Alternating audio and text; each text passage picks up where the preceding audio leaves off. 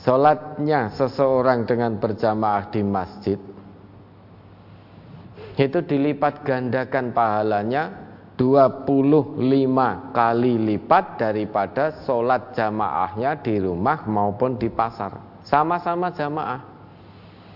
Namun kalau di masjid dilipat gandakan 25 kali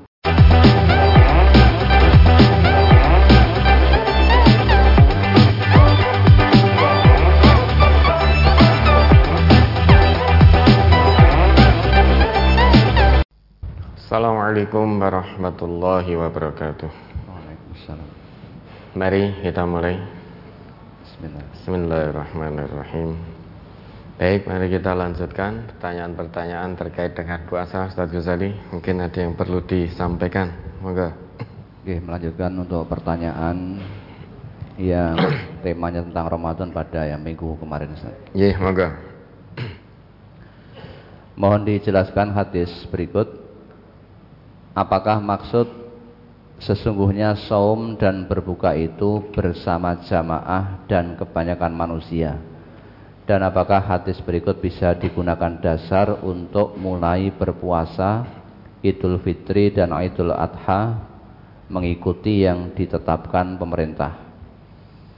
An Nabi Hurairah anna Nabiyya sallallahu alaihi wasallam qala As-saumu yauma tasumuna wal fitru yauma tuftiruna wal adha yauma tudhahuna qala Abu Isa hadza haditsun hasanun gharibun wa fassara ba'du ahli ilmi hadzal hadis faqala innama ma'na hadza annal sawma wal fitra ma'al jama'ati wa uzmin nas. Dari Abu Hurairah bahwasanya Nabi Shallallahu alaihi wasallam bersabda Berpuasa itu pada hari kalian berpuasa dan berbuka itu pada hari di mana kalian semua berbuka. Demikian juga dengan Idul Adha yaitu pada hari kalian semuanya berkorban. Abu Isa berkata, ini merupakan hadis Hasan Gharib. Sebagian ulama menafsirkan hadis ini yaitu Sesungguhnya saum dan berbuka itu bersama jamaah dan kebanyakan manusia. Hadis riwayat Tirmizi nomor 633. Yang kami ketahui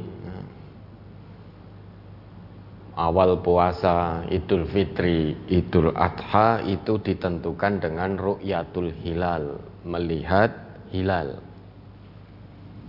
Hal ini berdasarkan pada sabda Nabi Sallallahu Alaihi Wasallam. Beliau pernah bersabda, "Ida ro'aitumul hilala fasumu."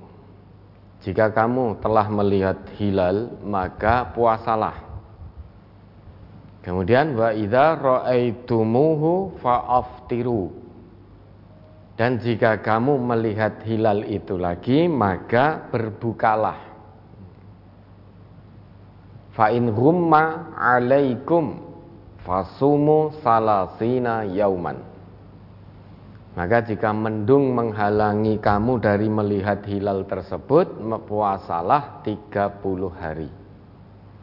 Jadi bulannya dihitung, puasanya dihitung sampai 30 hari jika terhalang oleh mendung dari melihat hilal. Ini terkait dengan memulai puasa Idul Fitri maupun Idul Adha.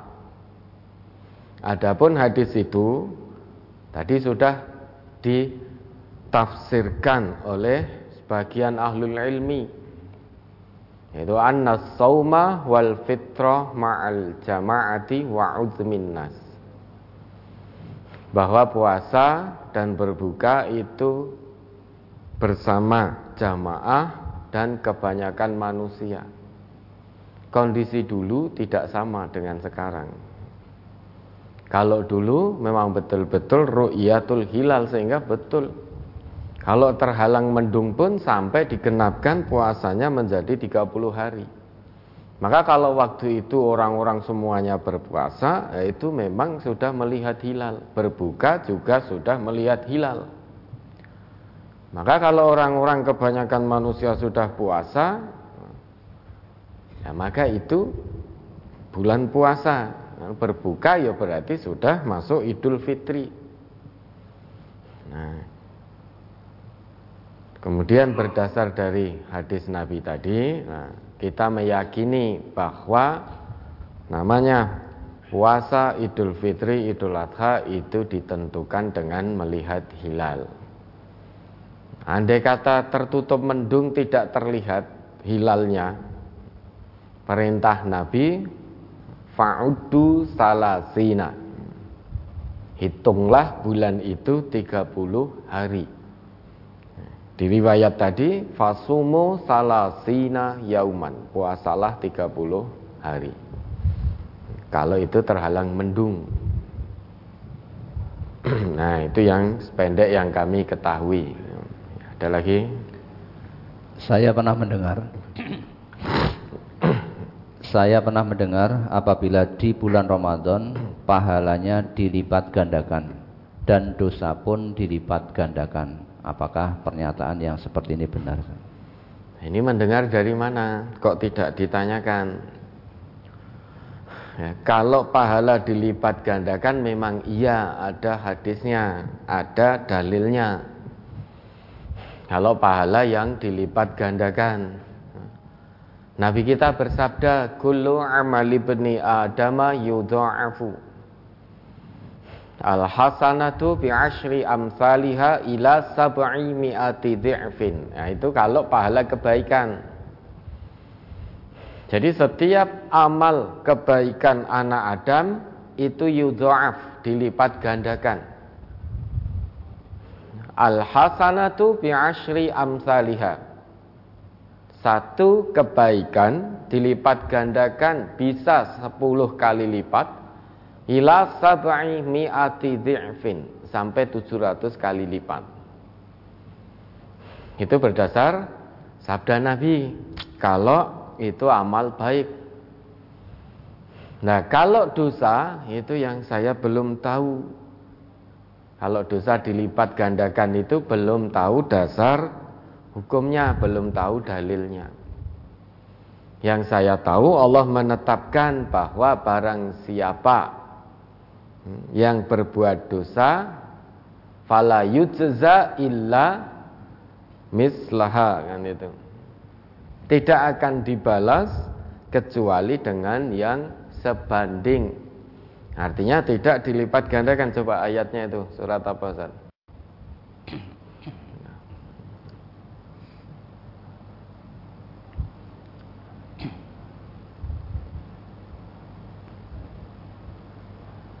Surat apa itu? Fala yujza illa mislaha.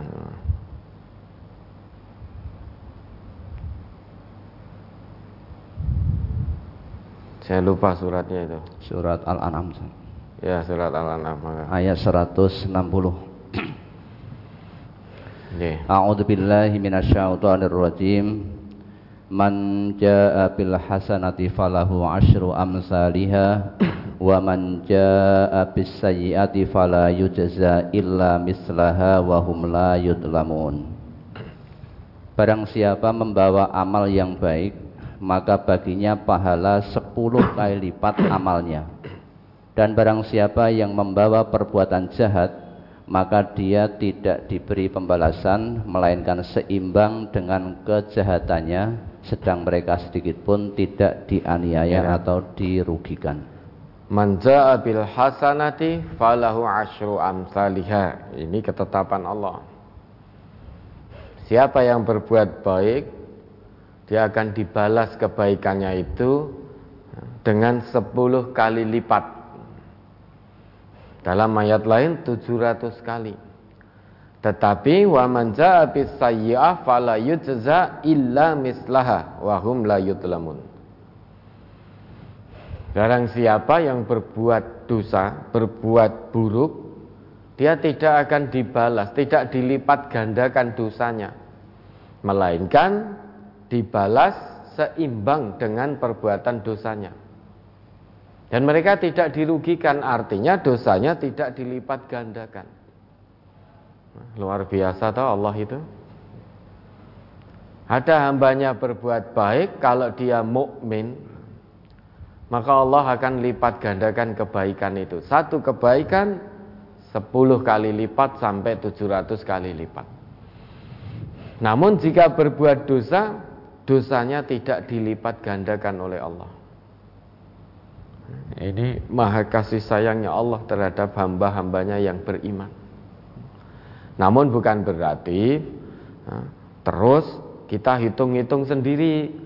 Wah saya sudah berbuat baik sekian hari ini. Ya, berarti kalau dilipat gandakan 10 dapatnya sekian wes nggak apa-apa kalau begitu saya tak perbuat dosa. Wong dosa dibalasnya satu lah itu pola pikir yang salah. Itu pola pikir yang salah.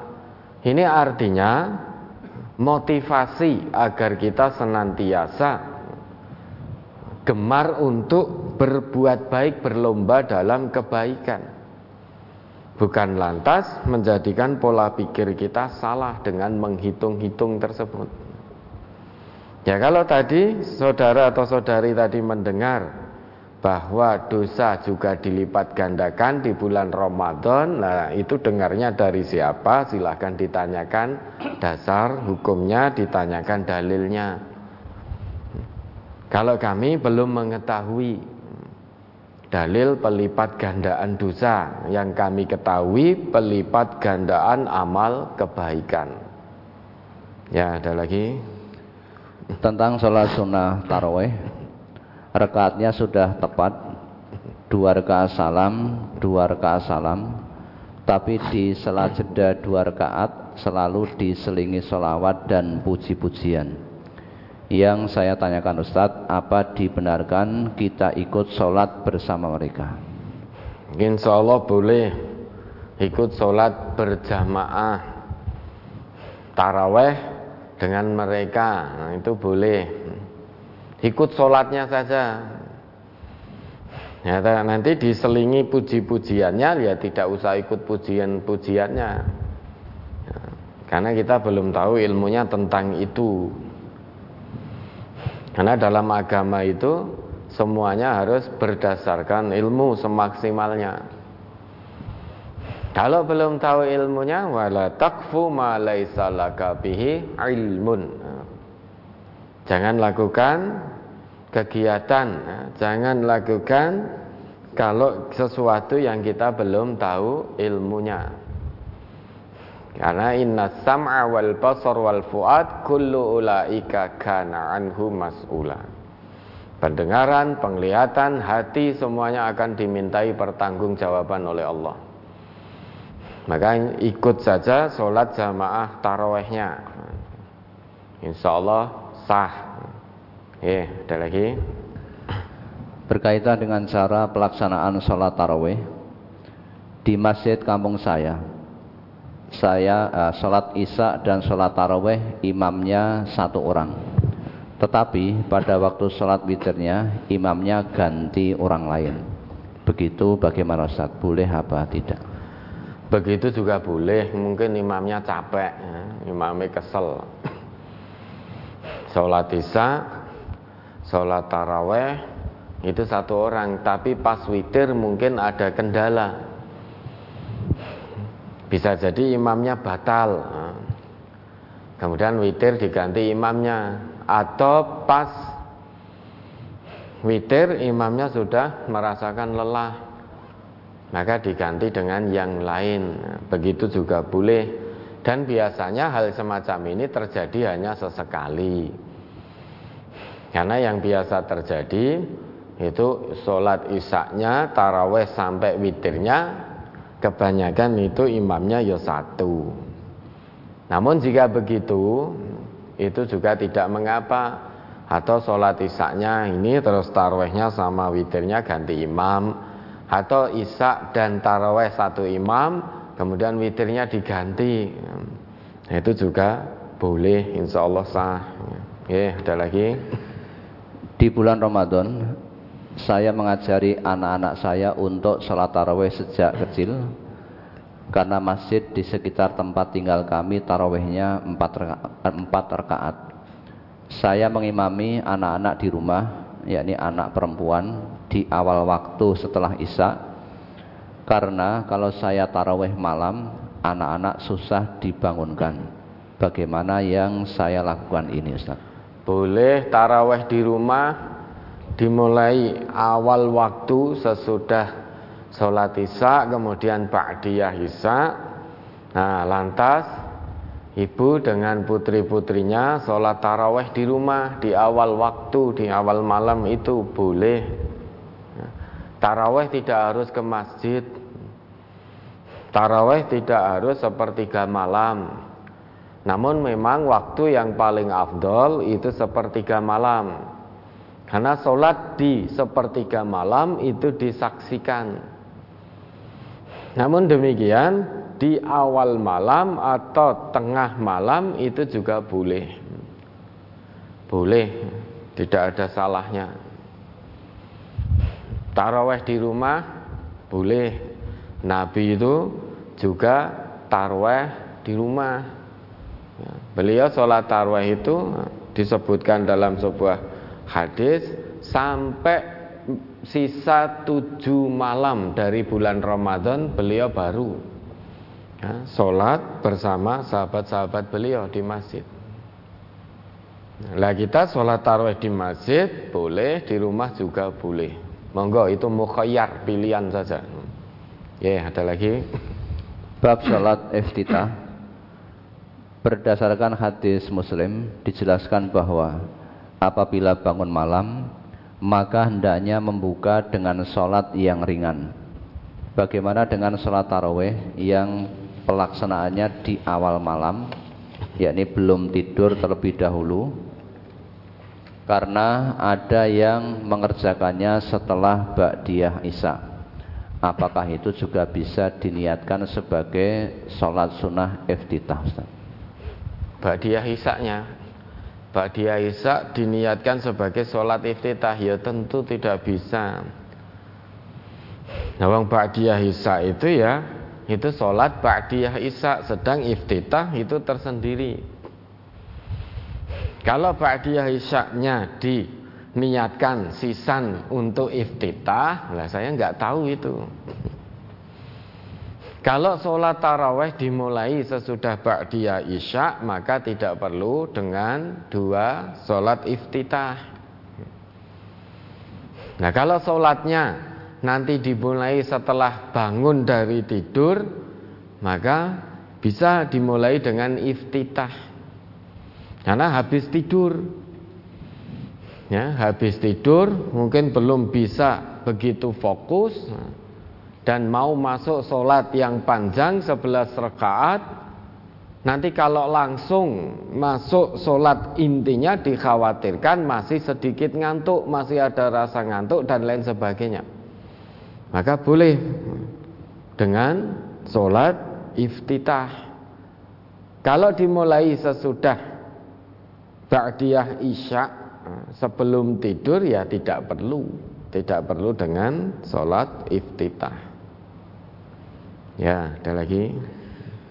Jika di awal malam sholat taraweh empat rakaat kemudian tidur. Lalu di sepertiga malam sholat taraweh empat rakaat lalu witir apa ada tuntunannya?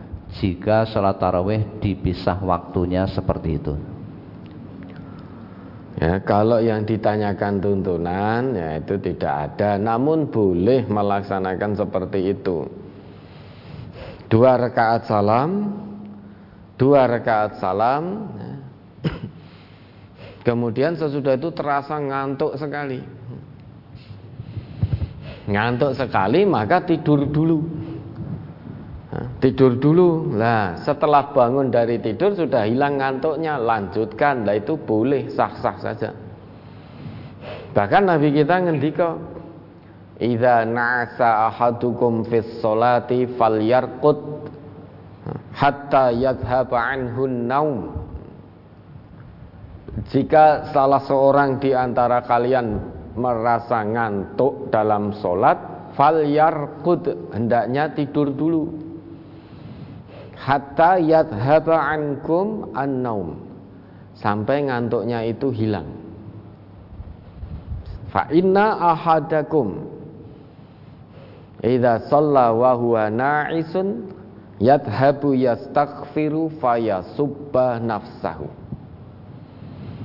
Karena jika salah seorang di antara kalian itu sholat dalam keadaan ngantuk, boleh jadi sebetulnya dia ingin mohon ampun kepada Allah.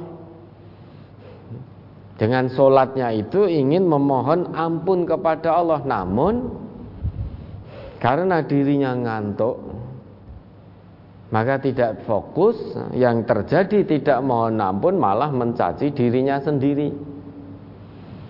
Maka orang yang ngantuk karena sholat ini hakikatnya kita sedang bermunajat kepada Allah. Fal yang dur bima yunajihi perintah Nabi begitu. Ya. Orang yang sholat itu hendaknya memperhatikan apa yang dia munajatkan kepada Allah. Tidak bisa kita bayangkan kita sholat dalam keadaan ngantuk Kira-kira yang terjadi bagaimana? Tidak bisa fokus kita. Sholat itu isinya doa, permohonan kepada Allah. Masa kita ngantuk, ah, masih seliat, seliut, seliat, seliut, sembuh apa yang diucapkan, yang dimohonkan kepada Allah nggak paham. Kalau tadi begitu, boleh saja dua rakaat salam, dua rakaat salam, kemudian istirahat, ya, istirahat kemudian diselingi dengan tidur nah, nanti sesudah bangun lanjutkan lagi nah, itu boleh. Ya, Nabi dulu juga begitu. Dua rakaat salam dua rakaat salam kemudian yatarawah beristirahat faatola. Istirahatnya panjang. Cuma beda sholat malamnya Nabi dengan kita Kalau beliau panjang sholat beliau. Nah, kalau kita kan paling berapa menit dan itu dua rakaat salam dua rakaat salam apalagi yang dibaca di rakaat keduanya selalu al-ikhlas al-falak atau anas yang pertama alam taro rakaat pertama al-hakumut wailul dan seterusnya nah, tentu hanya pendek itu namun mau melaksanakan begitu ya tidak salah boleh. Ya, ada lagi.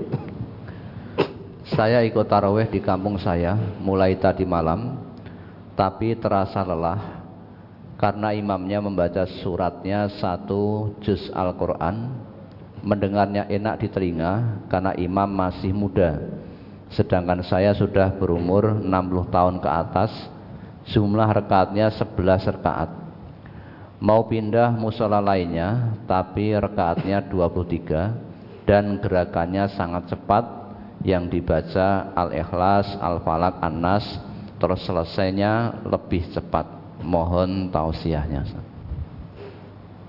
Bapak taraweh di rumah juga boleh. Misalkan di masjid tadi hmm, sekuat Bapak. Hmm,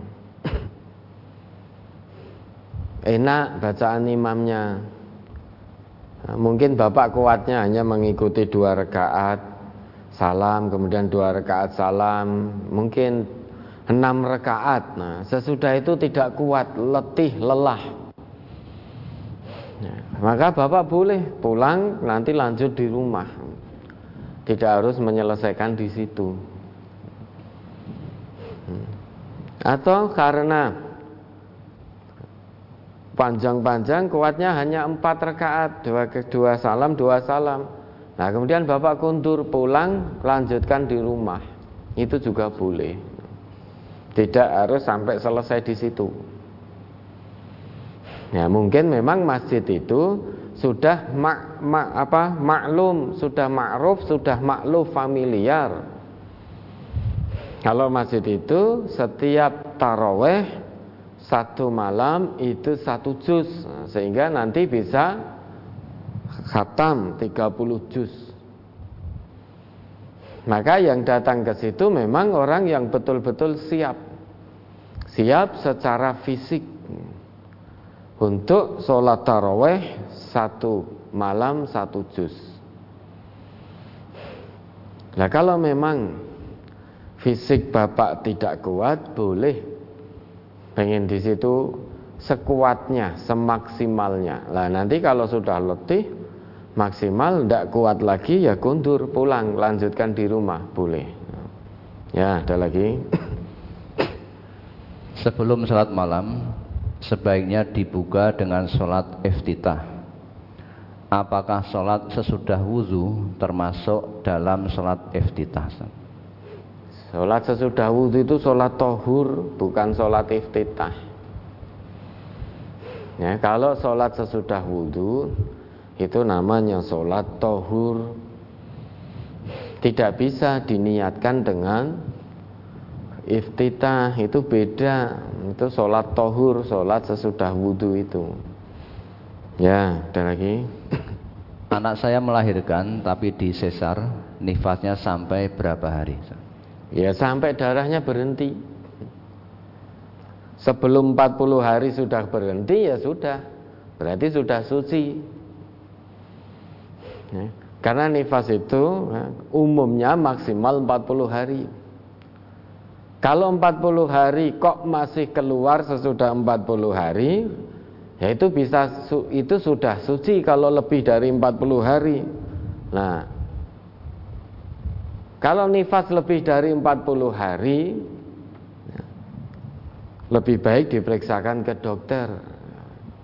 Karena nifas itu umumnya 40 hari. Kalau sebelum 40 hari kok sudah berhenti darah nifasnya, ya berarti berarti sudah suci. Ya, ada lagi. Di kampung saya ada masjid tapi kecil. Kalau bulan puasa hanya cukup untuk sholat bapak-bapak yakni laki-laki saja. Di dekat masjid ada rumah kosong yang difungsikan sebagai majelis taklim. Kalau di lain bulan Ramadan digunakan untuk pengajian dan baca tulis Quran untuk ibu-ibu khusus wanita. Pertanyaan yang pertama, Bolehkah rumah majelis taklim itu digunakan untuk sholat taraweh khusus ibu-ibu atau perempuan? Yang kedua, nanti di sepertiga akhir Ramadan, bolehkah majelis itu untuk ektikaf untuk ibu-ibu? Yang pertama, boleh tidaknya rumah kosong itu untuk sholat taraweh ibu-ibu? Itu tergantung yang punya rumah. Kalau yang punya rumah mengizinkan ya berarti boleh Silahkan digunakan sholat taraweh ibu-ibu Kalau yang punya rumah itu tidak mengizinkan ya berarti tidak boleh Maka minta izin pada yang punya Kalau boleh diizinkan ya silahkan sholat taraweh di situ ibu-ibu Nah kalau iktikaf kalau ditanyakan boleh tidak iktikaf di situ, tidak ada tuntunannya. Iktikaf itu di masjid. Kata Nabi kita, wala i'tikafa illa fi masjidin jami'. Tidak ada iktikaf kecuali di masjid jami'. Lah itu rumah kosong. Itu rumah kosong bukan masjid. Memang dibangun bukan untuk masjid tapi untuk rumah. Nah, maka tidak ada iktikaf di situ. Kalau mau iktikaf di masjid. Nah, ya, ada lagi. Jika saat bulan puasa biasanya anak muda zaman sekarang pada masih pacaran. Padahal sudah tahu kalau pacaran itu berdosa apakah kalau berpacaran itu membatalkan puasa? Ya mungkin pemuda-pemudi yang pacaran itu mungkin tidak puasa mungkin sehingga tidak khawatir puasanya batal. Ya, meski secara dohir, secara tata lahirnya tidak makan, tidak minum, artinya puasanya memang tidak batal, namun tidak ada nilai dari puasanya. Wong puasa itu ya, puasa itu asyamu junnah. Puasa itu perisai. Puasa itu perisai kata Nabi kita. wasiyamu junnah. Lah orang yang melakukan puasa tujuannya agar bertakwa kepada Allah. Maka puasa membentengi dirinya dari perbuatan-perbuatan dosa. Nah ini ada orang berpuasa Lahirnya tidak makan, tidak minum Namun ternyata pacaran melakukan satu perbuatan dosa Dekat-dekat dengan zina Maka sangat potensi dia tidak mendapatkan apa-apa dari puasanya Kata Nabi kita, ruba imin hadduhu min siyamihil ju' wal atash. Berapa banyak orang yang berpuasa namun dia tidak mendapatkan apa pun dari puasanya kecuali lapar dan haus. Nilai puasanya tidak didapat, maka jauh dari tujuan puasa yang la'allakum tattaqun. Meski lesannya mulutnya tidak makan, tidak minum, namun dia dekat-dekat atau mendekati zina. Sedang perbuatan dekat-dekat zina itu larangan Allah, larangan agama. Wala taqrabuz zina innahu kana fahisyata wa sa'a sabila. Kalau orang yang berpuasa tadi paham betul tujuan dari puasa, tentu dia tidak akan berpacaran. Dia takut betul kalau puasanya hanya mendapat lapar dan haus. Malamnya yo tarweh wi. Mungkin malah tarwehnya di satu masjid dari rumah yo boncengan mangkat bareng kencanan. Diampiri anehnya ada orang tua yang yang mengizinkan juga anak gadisnya diampiri teman laki-lakinya untuk diajak taraweh. Ketoke apik. Oh ya diajak taraweh kan bagus. Ketoke apik. Tetapi itu hanya kedok kedok saja. Kencanan kemudian taraweh maka kata Nabi dalam hadis itu lanjutannya warubba qaimin hadduhu min qiyamihis sahar.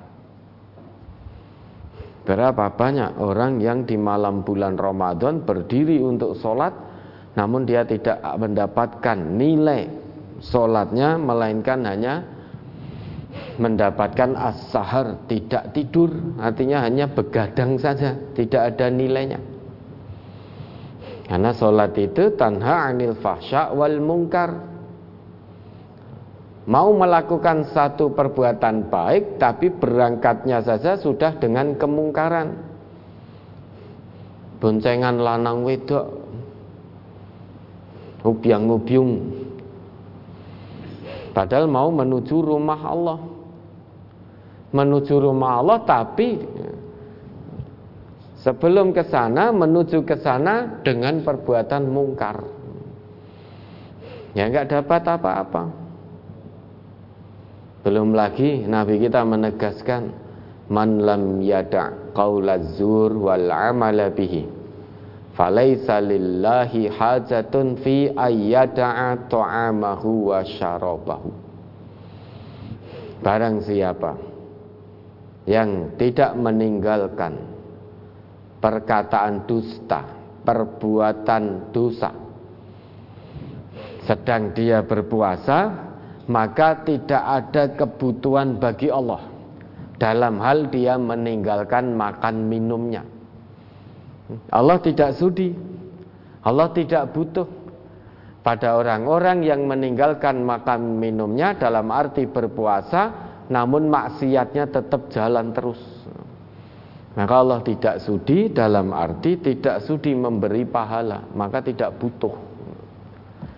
Memang secara lahir puasanya tidak batal, namun nilai puasanya hilang, tidak dapat kebaikan dari puasa yang dilakukan sepanjang hari menahan lapar, menahan haus.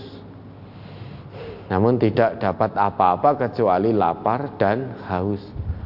Nah ini orang ini ngertinya puasa mesti hanya orang mangan, orang ngombe. Nah saudara kalau tahu itu maka kewajibannya memberitahu kalau itu teman atau eh, kerabat saudara diberitahu. Karena bisa jadi eh, teman saudara itu atau eh, kerabat saudara tahunya puasai tidak makan tidak minum. Pacaran yo jalan terus. Tahunya begitu sing penting tidak makan tidak minum. Buka bersama dengan pacarnya. Ngabuburit dengan pacarnya. Nunggu dul nunggu beduk maghrib. Nunggu waktu maghrib putar-putar ngabuburit dengan pacarnya. Ya, dapatnya ya hanya lapar hanya haus nilai puasa tidak dapat karena tujuan puasa itu la'allakum tattaqun. Biar menjadi hamba Allah yang bertakwa maka puasa itu menjadi perisai dirinya dari perbuatan dosa. Sedang menurut Allah ya, dekat-dekat dengan zina itu perbuatan dosa. Bahkan dalam sebuah sabda Nabi beliau pernah ngendika la yut'an la yut'anna fi ra'si ahadikum bi mikhyatin min hadidin khairun min ayyama samra'atan la tahillu lahu ditikam kepala salah seorang di antara kalian dengan jarum besi itu lebih baik daripada dia menyentuh perempuan yang tidak halal baginya. Nah, ini kira-kira kalau pacaran ngubiang-ngubiung ke sana kemari sentuhan tidak Ustaz? Ber, bukan hanya bersentuhan mungkin lebih dari itu. Padahal Nabi kita dengan sangat tegas ngendika la ayyuta'ana fi ra'si ahadikum bi mikhyatin min hadidin khairul lahu min ayyamas samra'atan la tahillu lahu. Nah, kalau yang tanya ini nah, pada semuanya lah. Khususnya segenap keluarga besar majelis tafsir Al-Quran pemuda-pemudinya jangan kepingin seperti umumnya pemuda-pemudi. Tidak apa-apa tidak punya pacar. Jangan kepingin jangan takut dicaci. Jangan tak takut diejek tampak asing itu malah yang selamat. Fatuba lil ghuraba. Sekarang muda-mudi umumnya berpacaran. Kok ini ada pemuda ada pemudi karena betul-betul mempertahankan imannya menjaga akidahnya sebetulnya juga bisa berpacaran. Namun lebih meninggalkan itu demi ketundukan kepada Allah dan Rasulullah. Nah itu tanpa asing. Cahenom bisa berpacaran namun tidak mau. Bukan apa-apa, tidak maunya karena takut kepada Allah.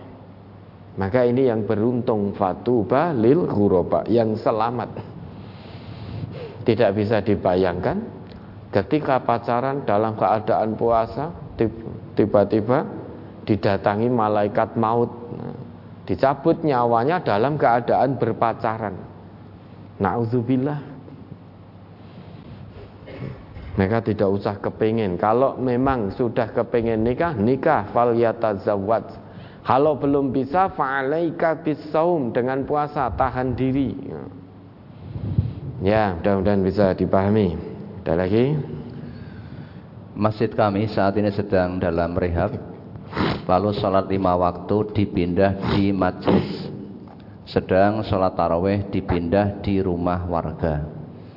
Yang saya tanyakan Sholat jamaah lima waktu bagi laki-laki Apa sama pahalanya sholat di masjid Dengan sholat jamaah di majlis Atau di rumah tadi Ustadz? Karena uzur masjid direhab. Dan apa boleh kami sholat tahiyatul masjid di majlis atau di rumah? Itu tahiyatul manzil no? tahiyatul bait nah, bukan tahiyatul masjid. Kalau itu direhab masjidnya kemudian sementara waktu sholat di majelis atau di rumah nah, sholat taraweh dipindah ke rumah warga ya tidak perlu dengan tahiyatul masjid nah. Ya. dan semaksimalnya sebetulnya mudah kalau masjidnya sedang direhab, sholat jamaah di masjid lain. Sholat jamaah di masjid lain. Nah, nanti kalau masjidnya sudah jadi, kembali sholat jamaah di masjid itu. Namun jika tetap mau sholat di situ, itu insya Allah juga tidak mengapa, boleh. Toh hanya sementara sambil menunggu masjidnya direhab. Kalau menginginkan yang lebih abdol tentu jamaah di masjid lain. Karena biar bagaimanapun namanya sholat seseorang berjamaah di masjid itu pahalanya dilipat gandakan daripada sholat di pasar atau di rumahnya. Kalau yang ditanyakan pahalanya apa sama, tentu beda. Tentu beda. Pahalanya lebih baik berjamaah di masjid dilipat gandakan khamsan wa ishrina di'fan Salatul rajuli fil jama'ati tudha'afu ala salatihi fi baitihi wa fi suqihi bi khamsin atau khamsan wa ishrina di'fan Salatnya seseorang dengan berjamaah di masjid itu dilipat gandakan pahalanya 25 kali lipat daripada sholat jamaahnya di rumah maupun di pasar. Sama-sama jamaah. Namun kalau di masjid dilipat gandakan 25 kali. Mengapa? karena fadzalika idza tawaddoa fa ahsanal wudu'a.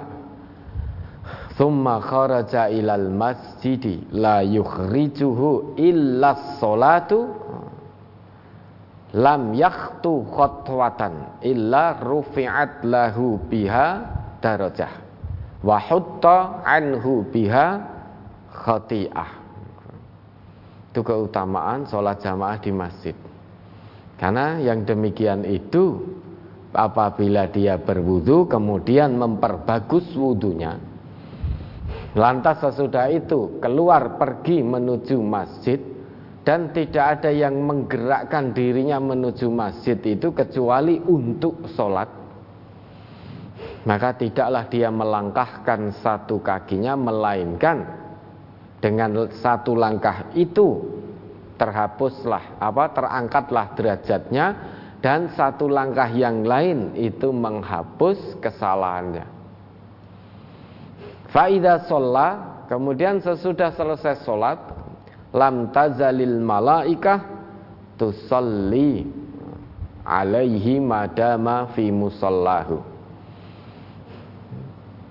Selesai sholat, kemudian masih menunggu waktu sholat yang lain, selama dia masih di tempat sholatnya dan belum batal, maka malaikat senantiasa mendoakan Allahumma arhamhu. Malaikat senantiasa mendoakan Allahumma arhamhu. Allahumma salli alaihi Allahumma arhamhu. Ya Allah berkatilah dia rahmatilah dia.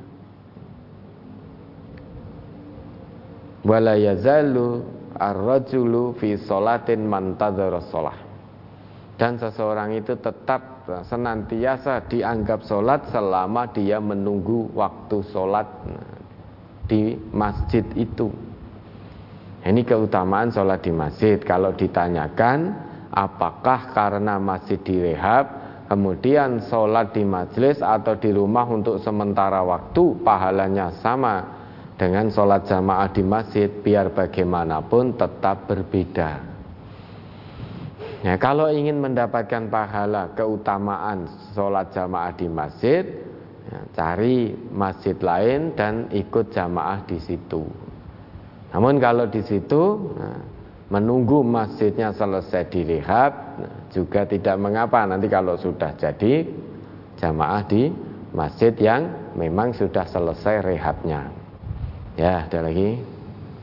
Bagaimana kiat-kiat khusus untuk memerangi bisikan setan atau bisikan hawa nafsu yang senantiasa menggerogoti hati yang sedang disucikan melalui saum sekarang ini?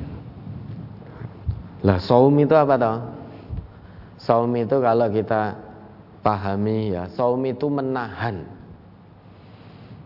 Menahan, ini masih secara umum makna saum yang menahan ini.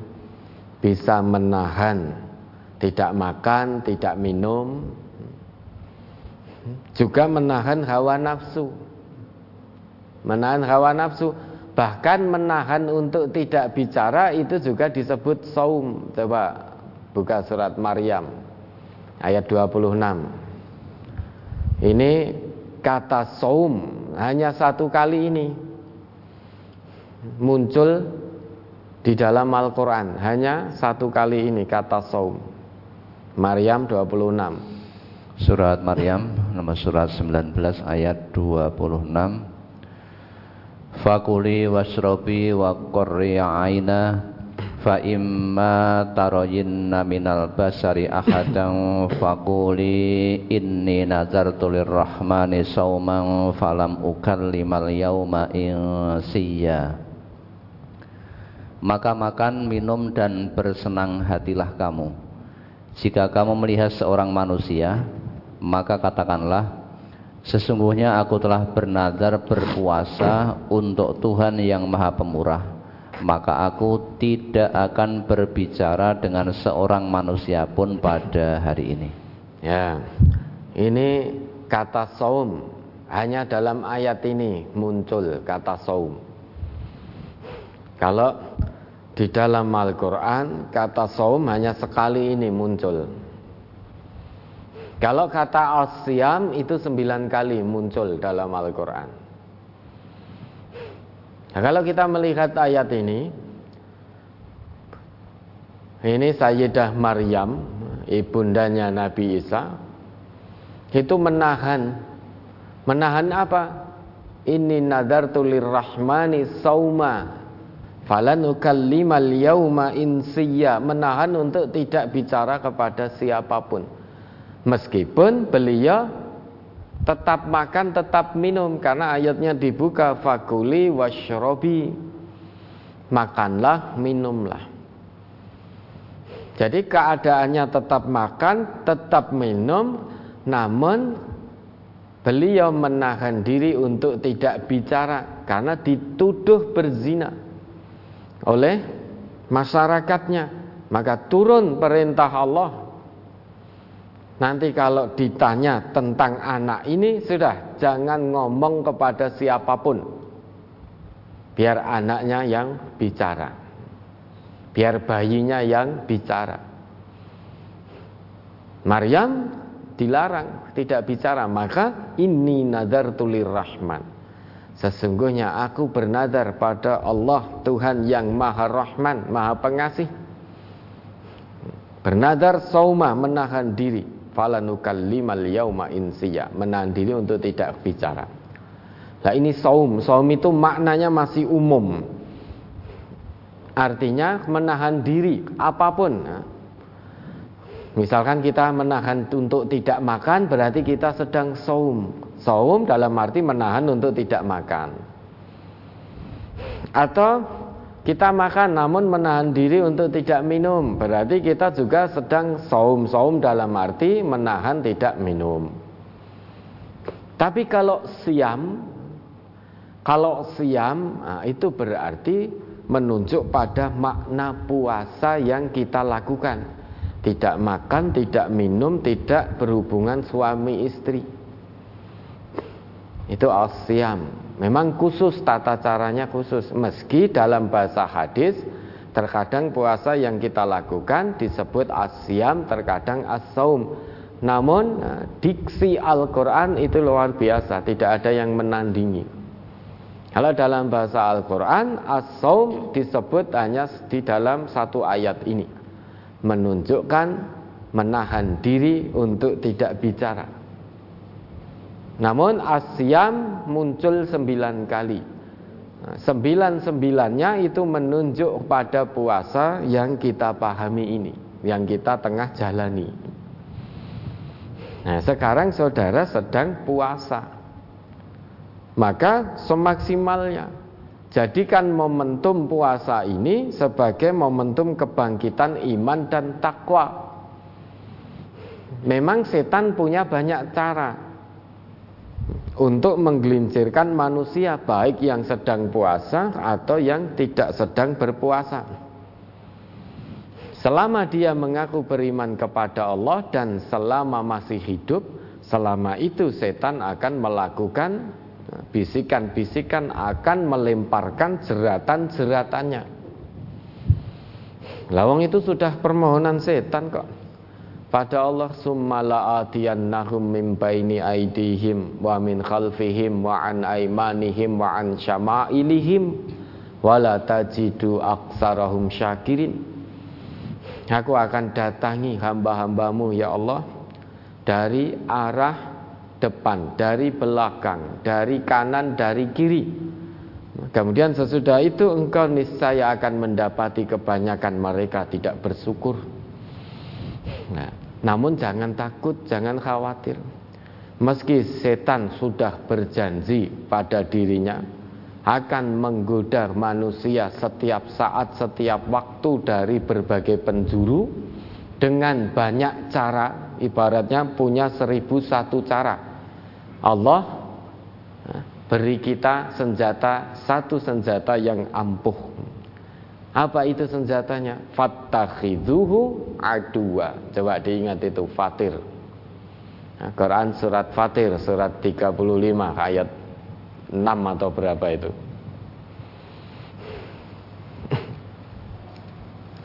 itu senjata agar kita tidak tergoda bujuk rayu setan. Surat Fatir nama surat 35 ayat 6 Inna syaitana lakum atuwun fattakhiduhu atuwa Innama yada'u khizbahu liyakunu min ashabis sa'ir. Sesungguhnya setan itu adalah musuh bagimu. Maka anggaplah ia musuhmu. Karena sesungguhnya setan-setan itu hanya mengajak golongannya Supaya mereka menjadi penghuni neraka yang menyala-nyala Ya dong. Allah sudah tetapkan, Allah tegaskan inna syaitana lakum adu. Sesungguhnya setan itu bagimu musuh.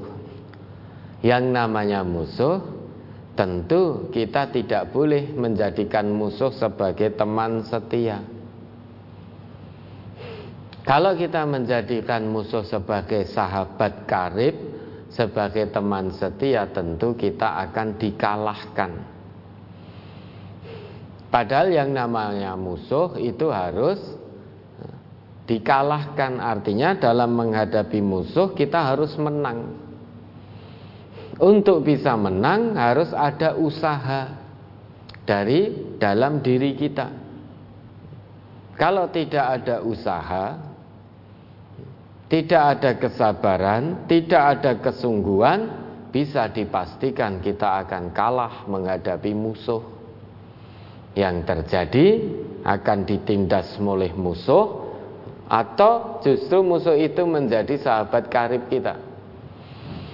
Nah, kiat agar terhindar dari jerat-jerat setan, senjata yang sangat ampuh Allah berikan yaitu fattakhidzuhu adua, perlakukan setan sebagai musuh. Jangan perlakukan sebagai sahabat setia. Bagaimana memperlakukan setan sebagai musuh? Maka perlu mujahadah, perlu kesungguhan memerangi hawa nafsu. Setiap hal-hal yang buruk sudah itu bisikan setan, bujuk rayu setan. Maka jangan diikuti. Satu kali kita mengikuti bisikan mautnya berarti itu sudah menjadikan setan sebagai teman setia. Sekali bisikan setan kita ikuti, maka setan akan lontarkan bisikan kedua, ketiga dan seterusnya sehingga hidup kita penuh dengan dosa. mempertuhankan hawa nafsu. Oleh sebab itu, semua bisikan setan jangan dituruti. Itu cara ampuhnya. Itu fattakhidhuhu aduanya begitu. Cara ampuhnya, oh ini bisikan setan. Nah, kalau ada setan, oh ini saat sedang puasa, oh apa bisiki kita untuk korupsi, oh ini setan ini. Dah. Jangan dituruti. Ngajak kita mencuri, jangan dituruti. Ngajak deket-deket zina, pacaran, jangan dituruti. Ini semuanya dari setan. Bukan berarti keluar dari bulan Ramadan boleh untuk korupsi, untuk puasa, bukan berarti begitu. Makanya puasa ini momentum kebangkitan ketakwaan kita. Ya. Mengapa kok kita diperintah oleh Allah menjadikan setan memperlakukan setan sebagai musuh? Karena setan ini tujuannya hanya satu, innama yad'u hisbahu min ashali yakunu min ashabis sa'ir Tujuannya cari teman, golek konco untuk menjadi penghuni neraka yang menyala-nyala. Setan tidak mau di neraka sendirian tidak mau, maka cari teman dari jenis manusia sebanyak-banyaknya. Sebanyak-banyaknya. Ini sebabnya kita dilarang oleh Allah menjadikan setan sebagai sahabat karib menuruti hawa apa bisikan setan kita dilarang. Nah, oleh sebab itu Ramadan ini momentum kebangkitan iman dan takwa kita kepada Allah.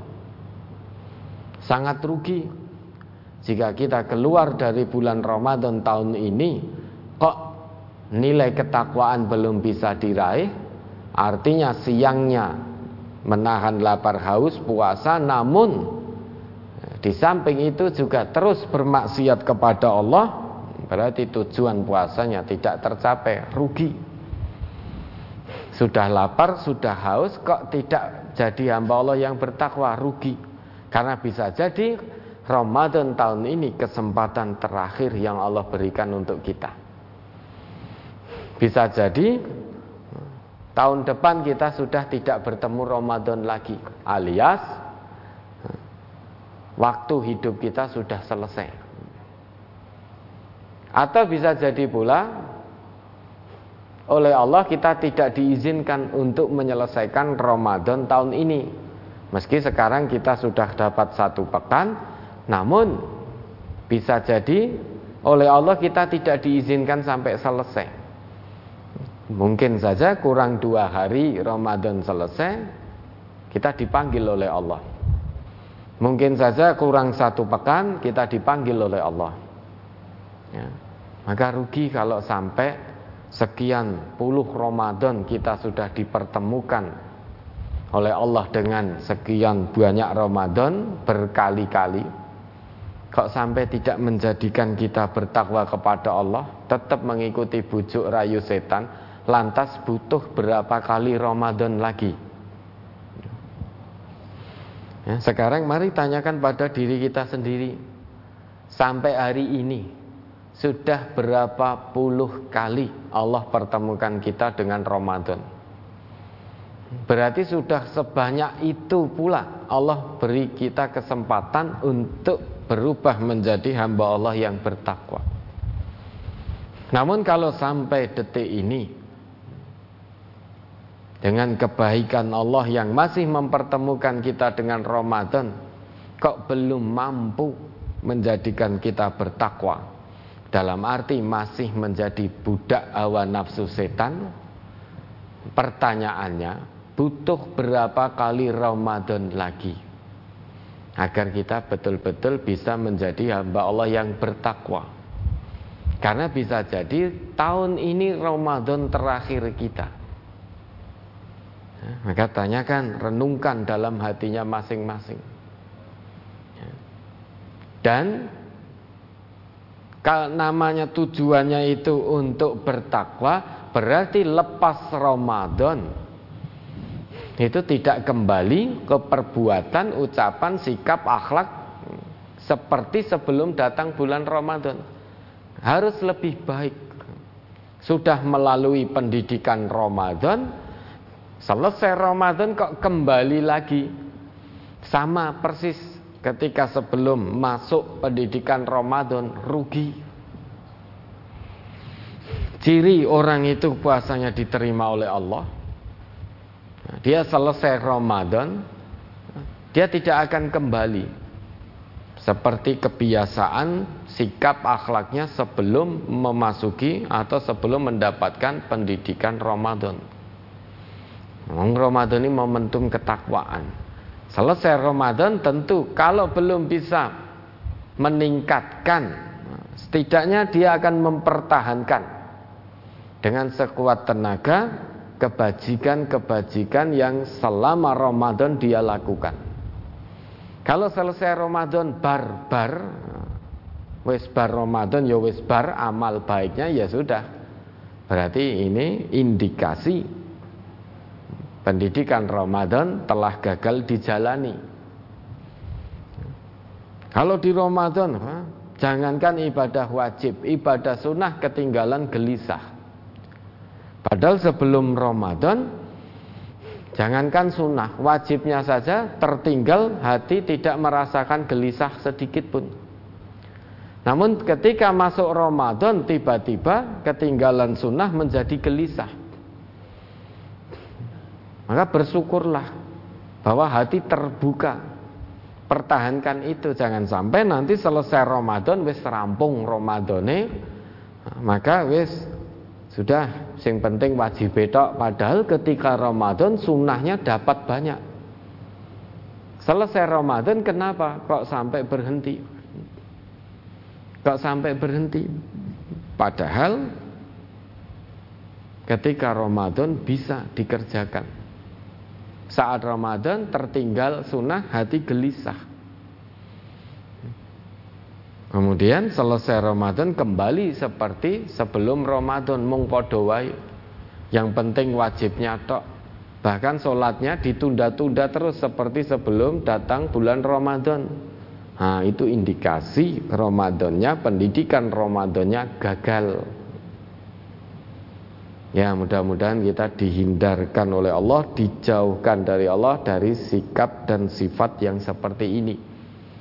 Selesai Ramadan, oh tetap tancap gas terus. Fastabikul khairat, berlomba dalam kebaikan terus. Selesai Ramadan.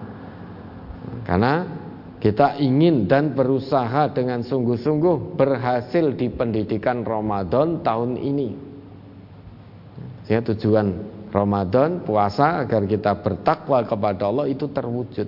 Salah satu cara agar bertakwa pada Allah tentu Ciri orang yang bertakwa pada Allah itu dia tidak mengikuti bujuk rayu setan. Maka akan memperlakukan setan sebagai musuhnya, dilawan dengan penuh kesungguhan, penuh kesabaran. Ya, mudah-mudahan bisa dipahami. Ada lagi? Ustaz mau bertanya tentang apa-apa sholat tarawih. Sallu sunnat tarawih jami'atan rahimakumullah Bagaimana Ustadz, apa ini diperbolehkan? Bagi yang masih menggunakan aba-aba itu, apa kewenangan saya untuk melarang? Saya tidak punya kewenangan melarang. Silakan saja bagi yang masih menggunakan aba-aba itu. Namun, kalau saudara menjadi bagian dari keluarga besar Majelis Tafsir Al-Quran, ya karena tidak ada hadis Nabi yang menunjukkan itu, maka kita tidak menggunakan apa-apa yang seperti itu. Namun bagi saudara-saudara muslim lainnya, monggo saja silahkan. tapi khusus bagi warga MTA kita tidak menggunakan apa-apa itu. Mengapa? Karena kita belum menemukan adanya hadis dari Nabi yang menyebutkan hal ini. Ya, ada lagi. Terkait dengan sholat berjamaah di waktu bulan Ramadan, biasanya ketika sholat jamaah di waktu bulan Ramadan itu jamaahnya banyak sekali. Yang saya tanyakan, suatu misal jamaah yang bagian belakang tidak rapat dan tidak lurus softnya, apakah berpengaruh dengan pahala yang didapat? Sah apa tidak sholatnya? Karena untuk menyuruh merapatkan susah sekali. Ada yang tidak mau. Apa yang harus dilakukan? Mohon pencerahannya. Fattakullah mastata'tum. Takwalah kepada Allah semaksimalnya. Jadi lakukan semaksimalnya dulu. Sebelum sholat dimulai, atur softnya dulu dengan penuh maksimal. Dulu Nabi sebelum memulai sholat, beliau senantiasa mengatur soft para sahabat beliau. Sawu sufu fakum. Ratakan soft-soft kalian. Fa inna taswiyatas sufuf min tamamis sholah. Karena sesungguhnya meratakan soft itu bagian dari kesempurnaan sholat. Maka yang dilakukan pertama sebelum mulai sholat maksimal untuk meratakan dan meluruskan soft dulu. Ya.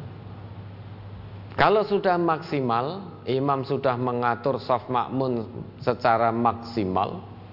Kemudian di tengah jalan kok lantas ada makmum yang barisannya renggang, kemudian tidak lurus dan lain sebagainya, berarti sudah qadrul istitoah. Sudah maksimal karena tadi sebelum sholat sudah dimulai diusahakan untuk meluruskan merapatkan soft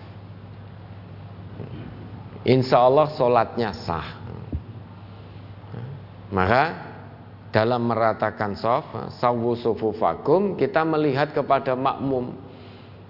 Jangan membelakangi makmum sawu sufufakum selesai terus Allahu Akbar gitu Artinya sawu sufufakum itu maknanya kita melihat kemudian merapatkan sambil ngecek. Jadi melihat sambil ngecek kalau ada yang longgar, yang kosong, kita bisa ngabani, suruh mengisi.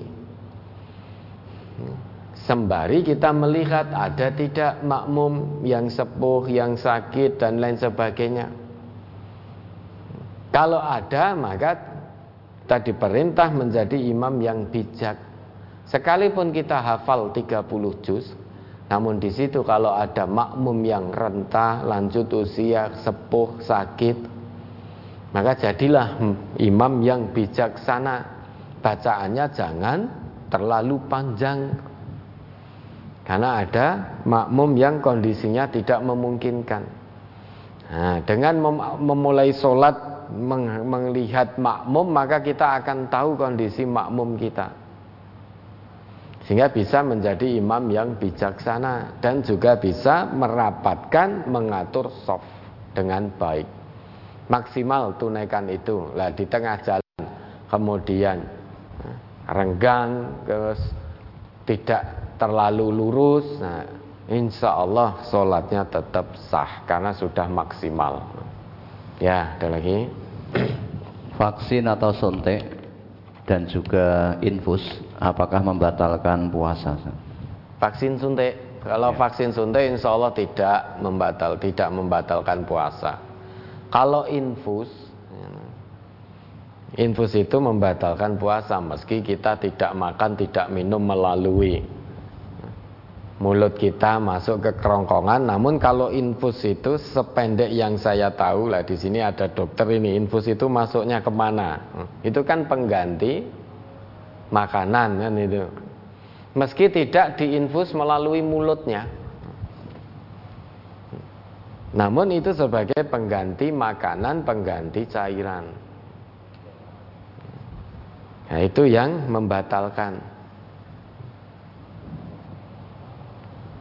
Nah kalau infus tidak membatalkan, nah kita puasa di infus saja. Gitu. Kan orang puasa itu tidak lapar, apa orang di infus itu dia tidak merasakan lapar.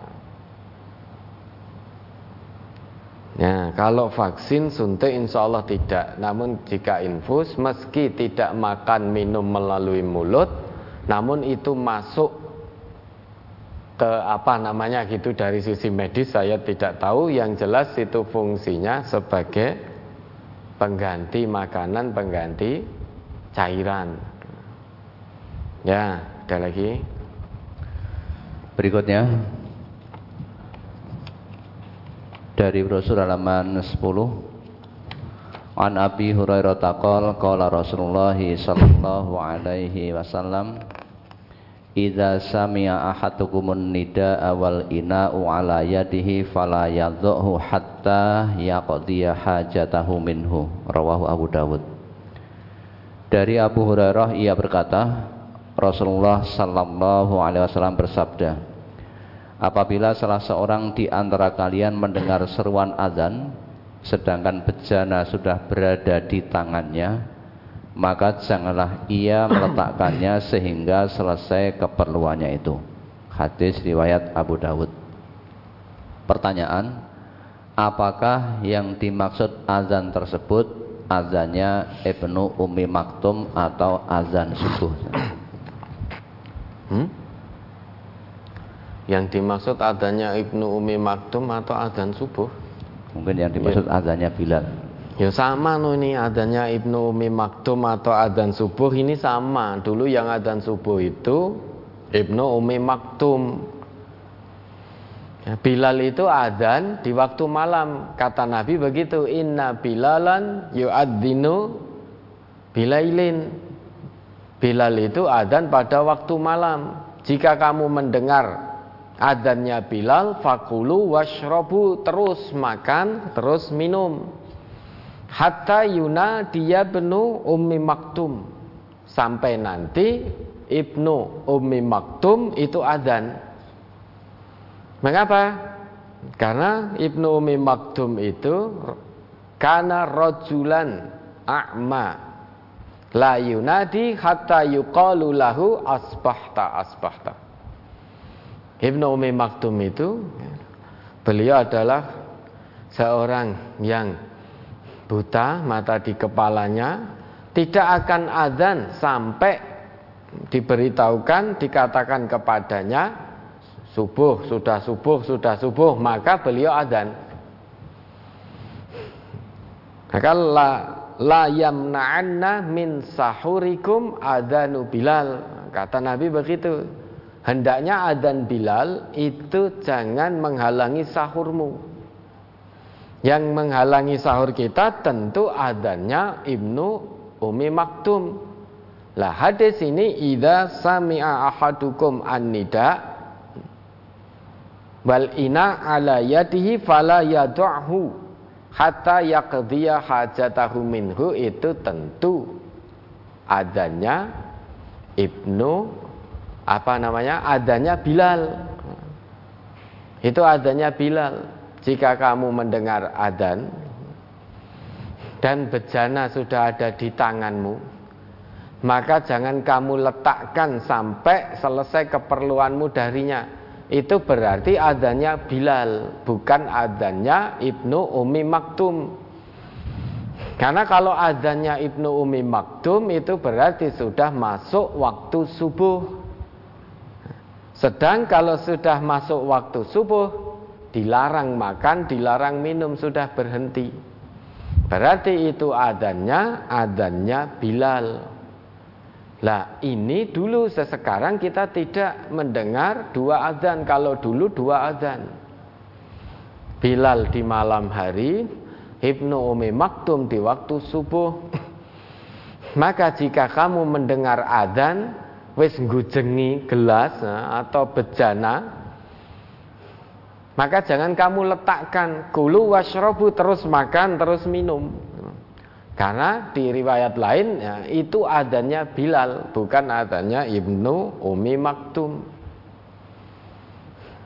Maka nanti kalau sudah selesai keperluan dari itu baru diletakkan. Lah nanti kalau sudah mendengar adanya Ibnu Umi Maktum, nah itu sudah tidak boleh makan, tidak boleh minum. Artinya Ibnu Umi Maktum itu adanya adan subuh.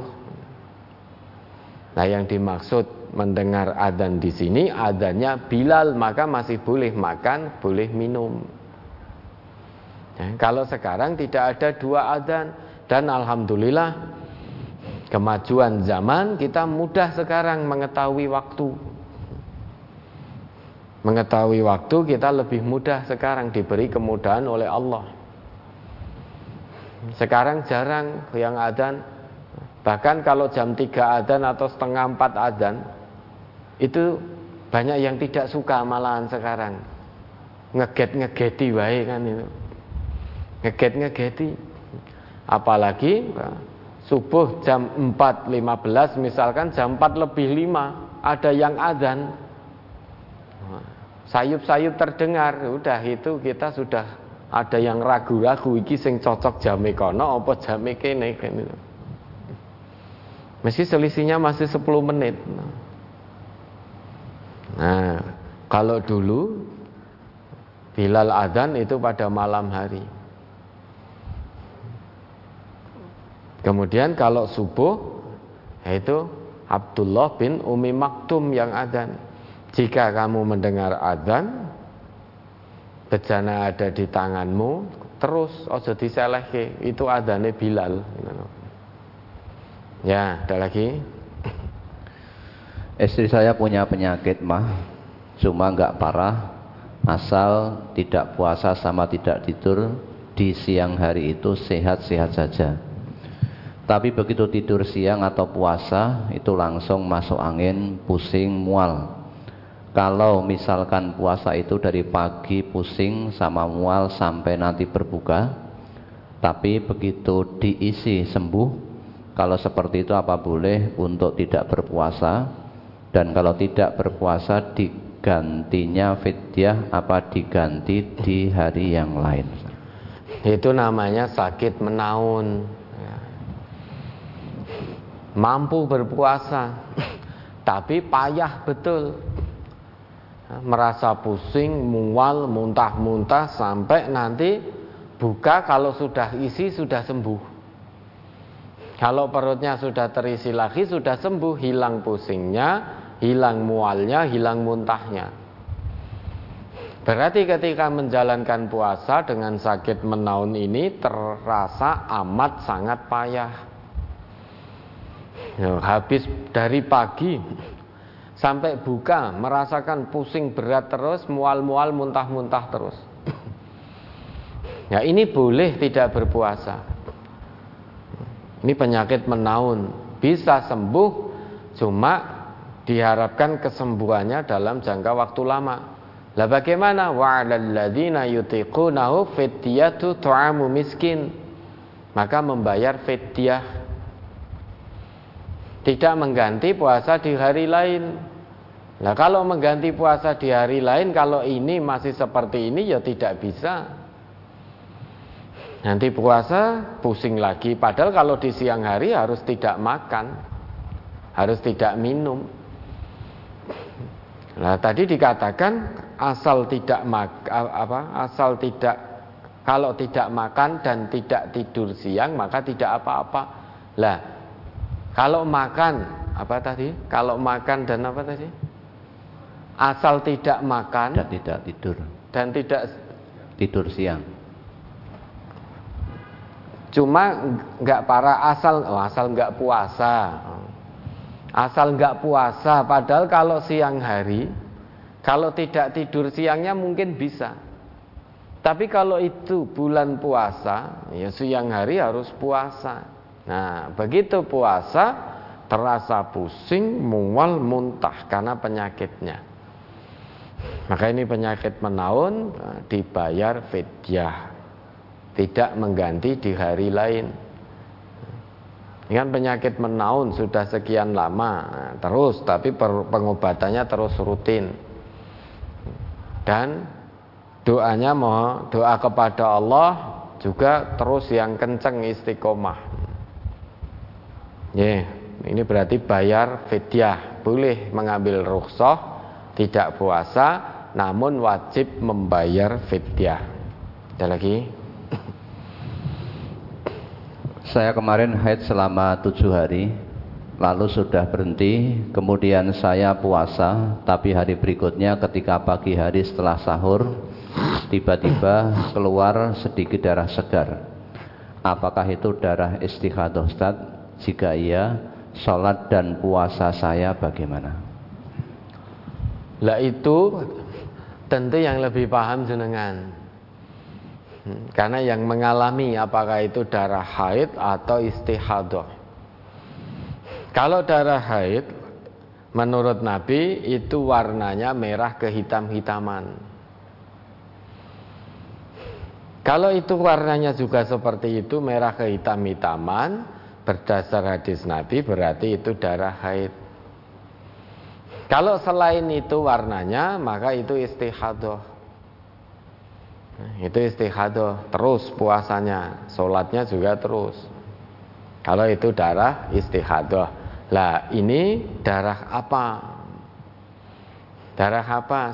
Sudah tujuh hari berhenti haidnya Tapi besoknya keluar darah lagi Lah ini darah apa? Tentu bisa dilihat dari warnanya Kalau warnanya merah kehitam-hitaman Berarti itu darah haid. Kalau itu darah haid Maka tidak boleh berpuasa. Tidak boleh sholat Tidak boleh tawaf. Namun jika itu warnanya selain itu berarti darah istihadah cukup dibersihkan kemudian setiap kali mau sholat dibersihkan. Dan puasanya terus. Ya diingat-ingat itu darah apa warnanya apa gitu. Kalau merah ke hitam-hitaman itu darah haid. Ya ada lagi? Dari brosur halaman 6 An Jabir bin Abdullah radhiyallahu anhu qala kana Rasulullah sallallahu alaihi wasallam fi safarin fara'a zihaman wa rajulan qad alaihi. Faqala ma hadza? Faqalu shaimun faqala laisa minal birri saumu fis safari rawahul bukhari dari Jabir bin Abdullah radhiyallahu an ia berkata ketika dalam suatu perjalanan Rasulullah Sallallahu Alaihi Wasallam melihat kerumunan orang dan seseorang telah dinaungi. Beliau Sallallahu Alaihi Wasallam bertanya, ada apa ini? Mereka menjawab, orang yang berpuasa.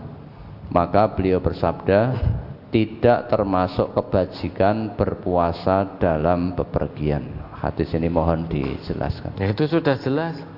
Nabi pernah dalam satu safar beliau tiba-tiba faro'a zihaman warajulan qaddulila alaihi tiba-tiba beliau melihat kerumunan orang dan seseorang telah dinaungi tentunya orang-orang yang berkerumun tadi menaungi orang itu tadi jadi diiupi-iupi ibaratnya begitu jadi orang tadi berkerumun, nah, kemudian saling menaungi seseorang tadi. Nah kemudian Nabi ber, bertanya, mahada ada apa ini? Dijawab, fakalu imun. Nah, dia sedang puasa. Dia puasa. Jadi orang tadi menaungi orang yang sedang puasa tadi. Maka jawab Nabi, kalau memang itu safar, dia berpuasa terus kemudian menjadikan orang banyak ribet kemudian menaungi seperti itu benora kepanasan maka kata Nabi laisal bir as-saum fis safar tidak ada baiknya jika kondisimu seperti itu kok kamu puasa dalam safar itu tidak ada baiknya.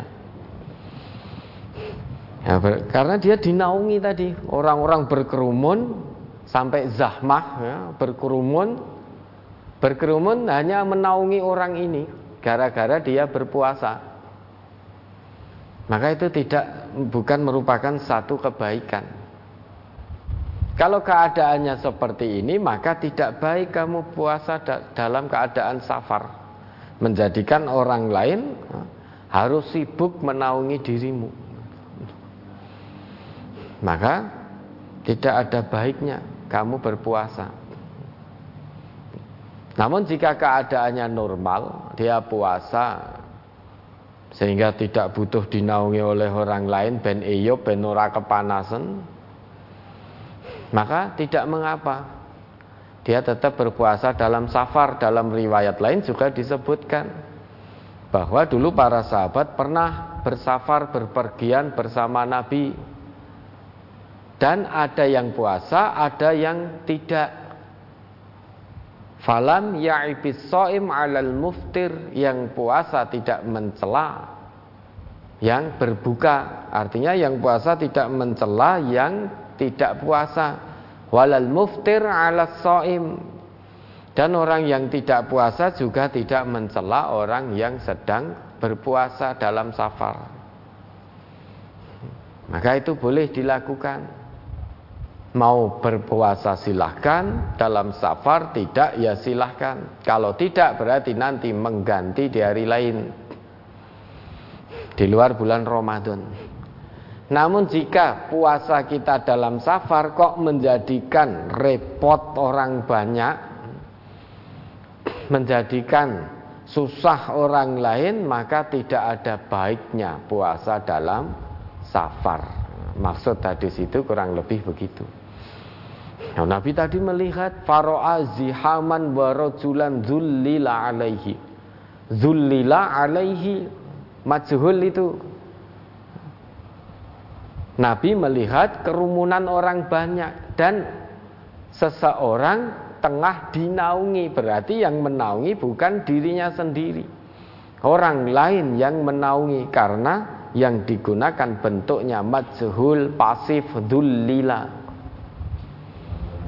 dinaungi. Berarti orang lain yang menaungi dirinya. Ketika ditanya oleh Nabi mahada jawab mereka so imun ini sedang puasa maka dinaungi diiupi-iupi mingket neng di diiupi mingket neng di diiupi dan lain sebagainya. Wes kalau begini keadaannya maka tidak ada baiknya berpuasa dalam keadaan safar. Ya, ada lagi? Berhubungan dengan brosur hati halaman 11 masuk ke 12 tentang seseorang yang menyetubuhi istri di waktu puasa Ramadan. Bagaimana kalau suami istri berhubungan di saat istri sedang berpuasa membayar hutang puasa Ramadan? Ini berarti di luar bulan Ramadan toh? Ya. Membayar hutang Ramadan toh? Ya, berarti hari itu tidak jadi bayar. Nanti hari itu tidak jadi bayar. Nah, besok berarti besok puasa lagi. Ini kebetulan istri sedang puasa bayar utang Ramadan.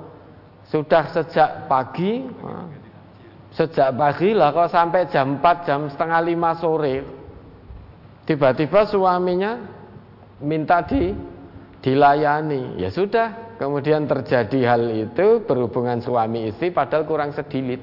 Nah, berarti hari itu si istri tidak jadi bayar hutang puasa lah besok mulai lagi dari pagi kan itu. Ini kan di luar bulan Ramadan yang harus memerdekakan budak atau puasa dua bulan berturut-turut atau memberi makan 60 fakir miskin itu hubungan suami istri yang dilakukan siang hari atau di waktu bulan Ramadan. Belum waktunya berbuka kok melakukan hubungan suami istri. Ya, kafarohnya pertama Aidku rokobah memerdekakan budak kalau tidak mendapatkan budak, siyamu syahraini mutataliyaini atau mutatabi'ain. Puasa dua bulan berturut-turut. Ya. Tidak mendapati budak, maka puasa dua bulan berturut-turut. Sudah dapat sebulan 25 hari. Kurang lima hari sakit tidak bisa puasa. Maka orang nanti setelah sembuh tidak bisa genapkan lima hari lagi. Tidak, harus ngulang dari hitungan pertama lagi. Dari hari pertama lagi. Kalau tidak bisa, memberi makan 60 fakir miskin. 60 fakir miskin. Nah kalau ini nyaur utang di di luar apa nyaur utang Ramadan di luar bulan Ramadan kalau berhubungan suami istri berarti hari itu tidak jadi nyaur Ya, ada lagi. Apakah boleh seorang suami istri mengadakan hubungan tetapi sudah masuk waktu maghrib ini sebelum berbuka Eh? jadi sebelum buka puasa makan Wih, kemudian berhubungan suami istri Corone takjil gitu toh. ya Ya sah-sah saja. Neng kok ya mbok ya. ya. Ya, kalau menurut Nabi masa sebagai takjil gitu. ya. Kalau Nabi itu ya beliau senantiasa berbuka dengan kurma dulu. Kalau tidak ada yang basah dengan kurma kering. Kalau tidak ada beliau dengan air meski hanya satu teguk. Hanya satu teguk. Beliau tidak pernah sholat maghrib duluan sebelum berbuka meski hanya dengan satu teguk. Nah ini takjilnya dengan berhubungan. Lah apa sah boleh saja kan itu. Wong sudah waktunya berbuka. Neng mbok yo kan gitu. Mbok yo kok ya semangat men. Sudah puasa seharian, tidak ada energi, tidak ada ini. Boleh, boleh saja begitu. Itu sudah masuk waktu berbuka. Hmm, Nek tega ya boleh silahkan monggo gitu. Ya, ada lagi. Jika seorang wanita yang menggunakan alat kontrasepsi itu haidnya tidak lancar, misalnya lima hari haid, kemudian tiga hari suci, dan di masa suci itu ya sholat dan puasa, kemudian keluar lagi haidnya, dan kejadian yang seperti itu terjadi beberapa kali dalam satu siklus haid. Apakah puasa yang dilakukan di masa suci atau di setelah haid itu wajib diganti Ustaz? Ini berarti yang pertama dilakukan harus cek lagi. Ya, alat kontrasepsi mengganggu siklus haid. Sehari haid, sehari tidak, sehari haid, sehari tidak. Kemudian ini lima hari haid, tiga hari suci. Nah, jadi haidnya lima hari, tiga hari suci. Baru tiga hari keluar lagi haidnya. Ini pertama yang dilakukan harusnya cek ke dokter itu alat kontrasepsi itu berarti tidak cocok. Karena susah nanti ketika puasa seperti ini. Nah maka bagaimana apakah puasa yang dilakukan di masa suci atau di selah haid itu wajib diganti? Lah kebiasaan haidnya dengan alat kontrasepsi itu normalnya berapa hari? Kalau memang kebiasaannya seperti ini dua hari suci kemudian keluar lagi dua hari berarti sebetulnya itu masih dalam siklus haid masih dalam siklus haid. Karena alat kontrasepsi tadi menjadikan siklus haidnya tidak lancar. Lah maka yang perlu kita tanyakan dulu, yang perlu kita tanyakan selama tiga hari yang ini itu keluar darah nggak meski hanya sedikit atau betul-betul tidak sama sekali tidak keluar darah sama sekali. Itu yang perlu kita tahu. Dan memang lebih baik ditunggu sampai dengan masa betul-betul suci. Sampai dengan betul suci. Kalau memang biasanya 8 hari suci, 7 hari suci dengan alat kontrasepsi, mungkin ada yang menjadi 10 hari baru suci, Ya selama itu ya tidak puasa. Nah kalau susah no ini, kalau sehari suci, sehari tidak, sehari suci, sehari tidak, dua hari suci, sehari keluar haid lagi, besoknya keluar lagi, lah itu berarti belum suci. Kalau belum suci ya maka tidak puasa. Nah tentu diganti di hari lain. Memang orang sekarang senang pakai alat kontrasepsi. sering kali menyebabkan siklus haidnya tidak lancar. Maka itu silahkan dicek dulu sampai cocok. Kalau itu di luar bulan Ramadan, mungkin ibu-ibu ini tidak merasakan tidak mengapa. Tapi ketika itu terjadi di bulan Ramadan, dua hari keluar darah haid, sehari suci, besoknya keluar lagi. Apakah sehari suci ini terus puasa? Ya tidak. Tidak, ya, diganti di hari lain. Berarti itu memang sebetulnya masih haid itu. Itu siklusnya tidak teratur. Tiga hari suci, dua hari haid. Kemudian setelah itu besoknya keluar lagi sehari. Maka tunggu sampai betul-betul suci betul. Sehingga bersih betul baru sesudah itu puasa. Ya, ada lagi. Apakah hukum ziarah ke makam kerabat pada saat menjelang bulan Ramadan dan Lebaran? Umat Islam kebanyakan menjalankan amalan ziarah ini sebagai ibadah rutin saat menjelang puasa dan Lebaran. Bahkan yang lagi merantau jauh pun pulang hanya demi untuk ziarah. Kemudian yang kedua, bagaimana kalau kita tidak mengamalkan puasa sunnah dan hanya mengamalkan puasa wajib di bulan Ramadan ini saja? Apakah ini cukup untuk meraih ridho Allah dan mendapatkan ampunan? Tapi sholat lima waktu selalu ditegakkan, selalu beristighfar tiap habis sholat fardu, karena puasa merasa berat, punya penyakit lambung dan pusing. Yang pertama, yang saya tahu ziarah itu boleh setiap saat.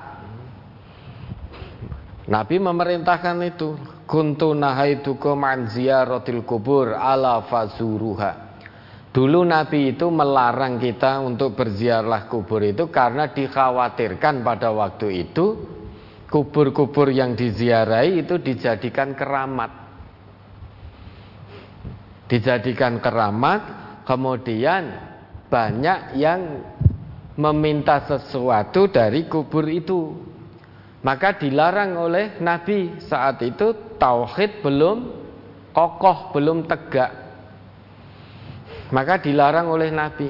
Lah, sesudah akidah orang-orang Islam kuat, kemudian Nabi perintahkan ala fazuruha fa innaha tuzakkirul maut Ya sekarang ziarah kuburlah kalian. Untuk apa tujuannya? Mengingat mati. Maka boleh ziarah kubur kapan pun. Lah kalau dikhususkan sebelum Ramadan, sebagaimana yang kita ketahui tradisi-tradisi selama ini di masyarakat kita, lah itu yang saya belum tahu. Hukumnya apa saya tidak tahu. Kalau hukum ziarah kubur itu mubah, boleh. Dan tidak harus kubur keluarga kita. Wis pokoknya kubure wae, kubur siapa pun silahkan. Karena tujuan ziarah kubur itu tujuan utamanya adalah mengingat mati bahwa besok itu saya juga seperti yang ada dalam kubur saat ini.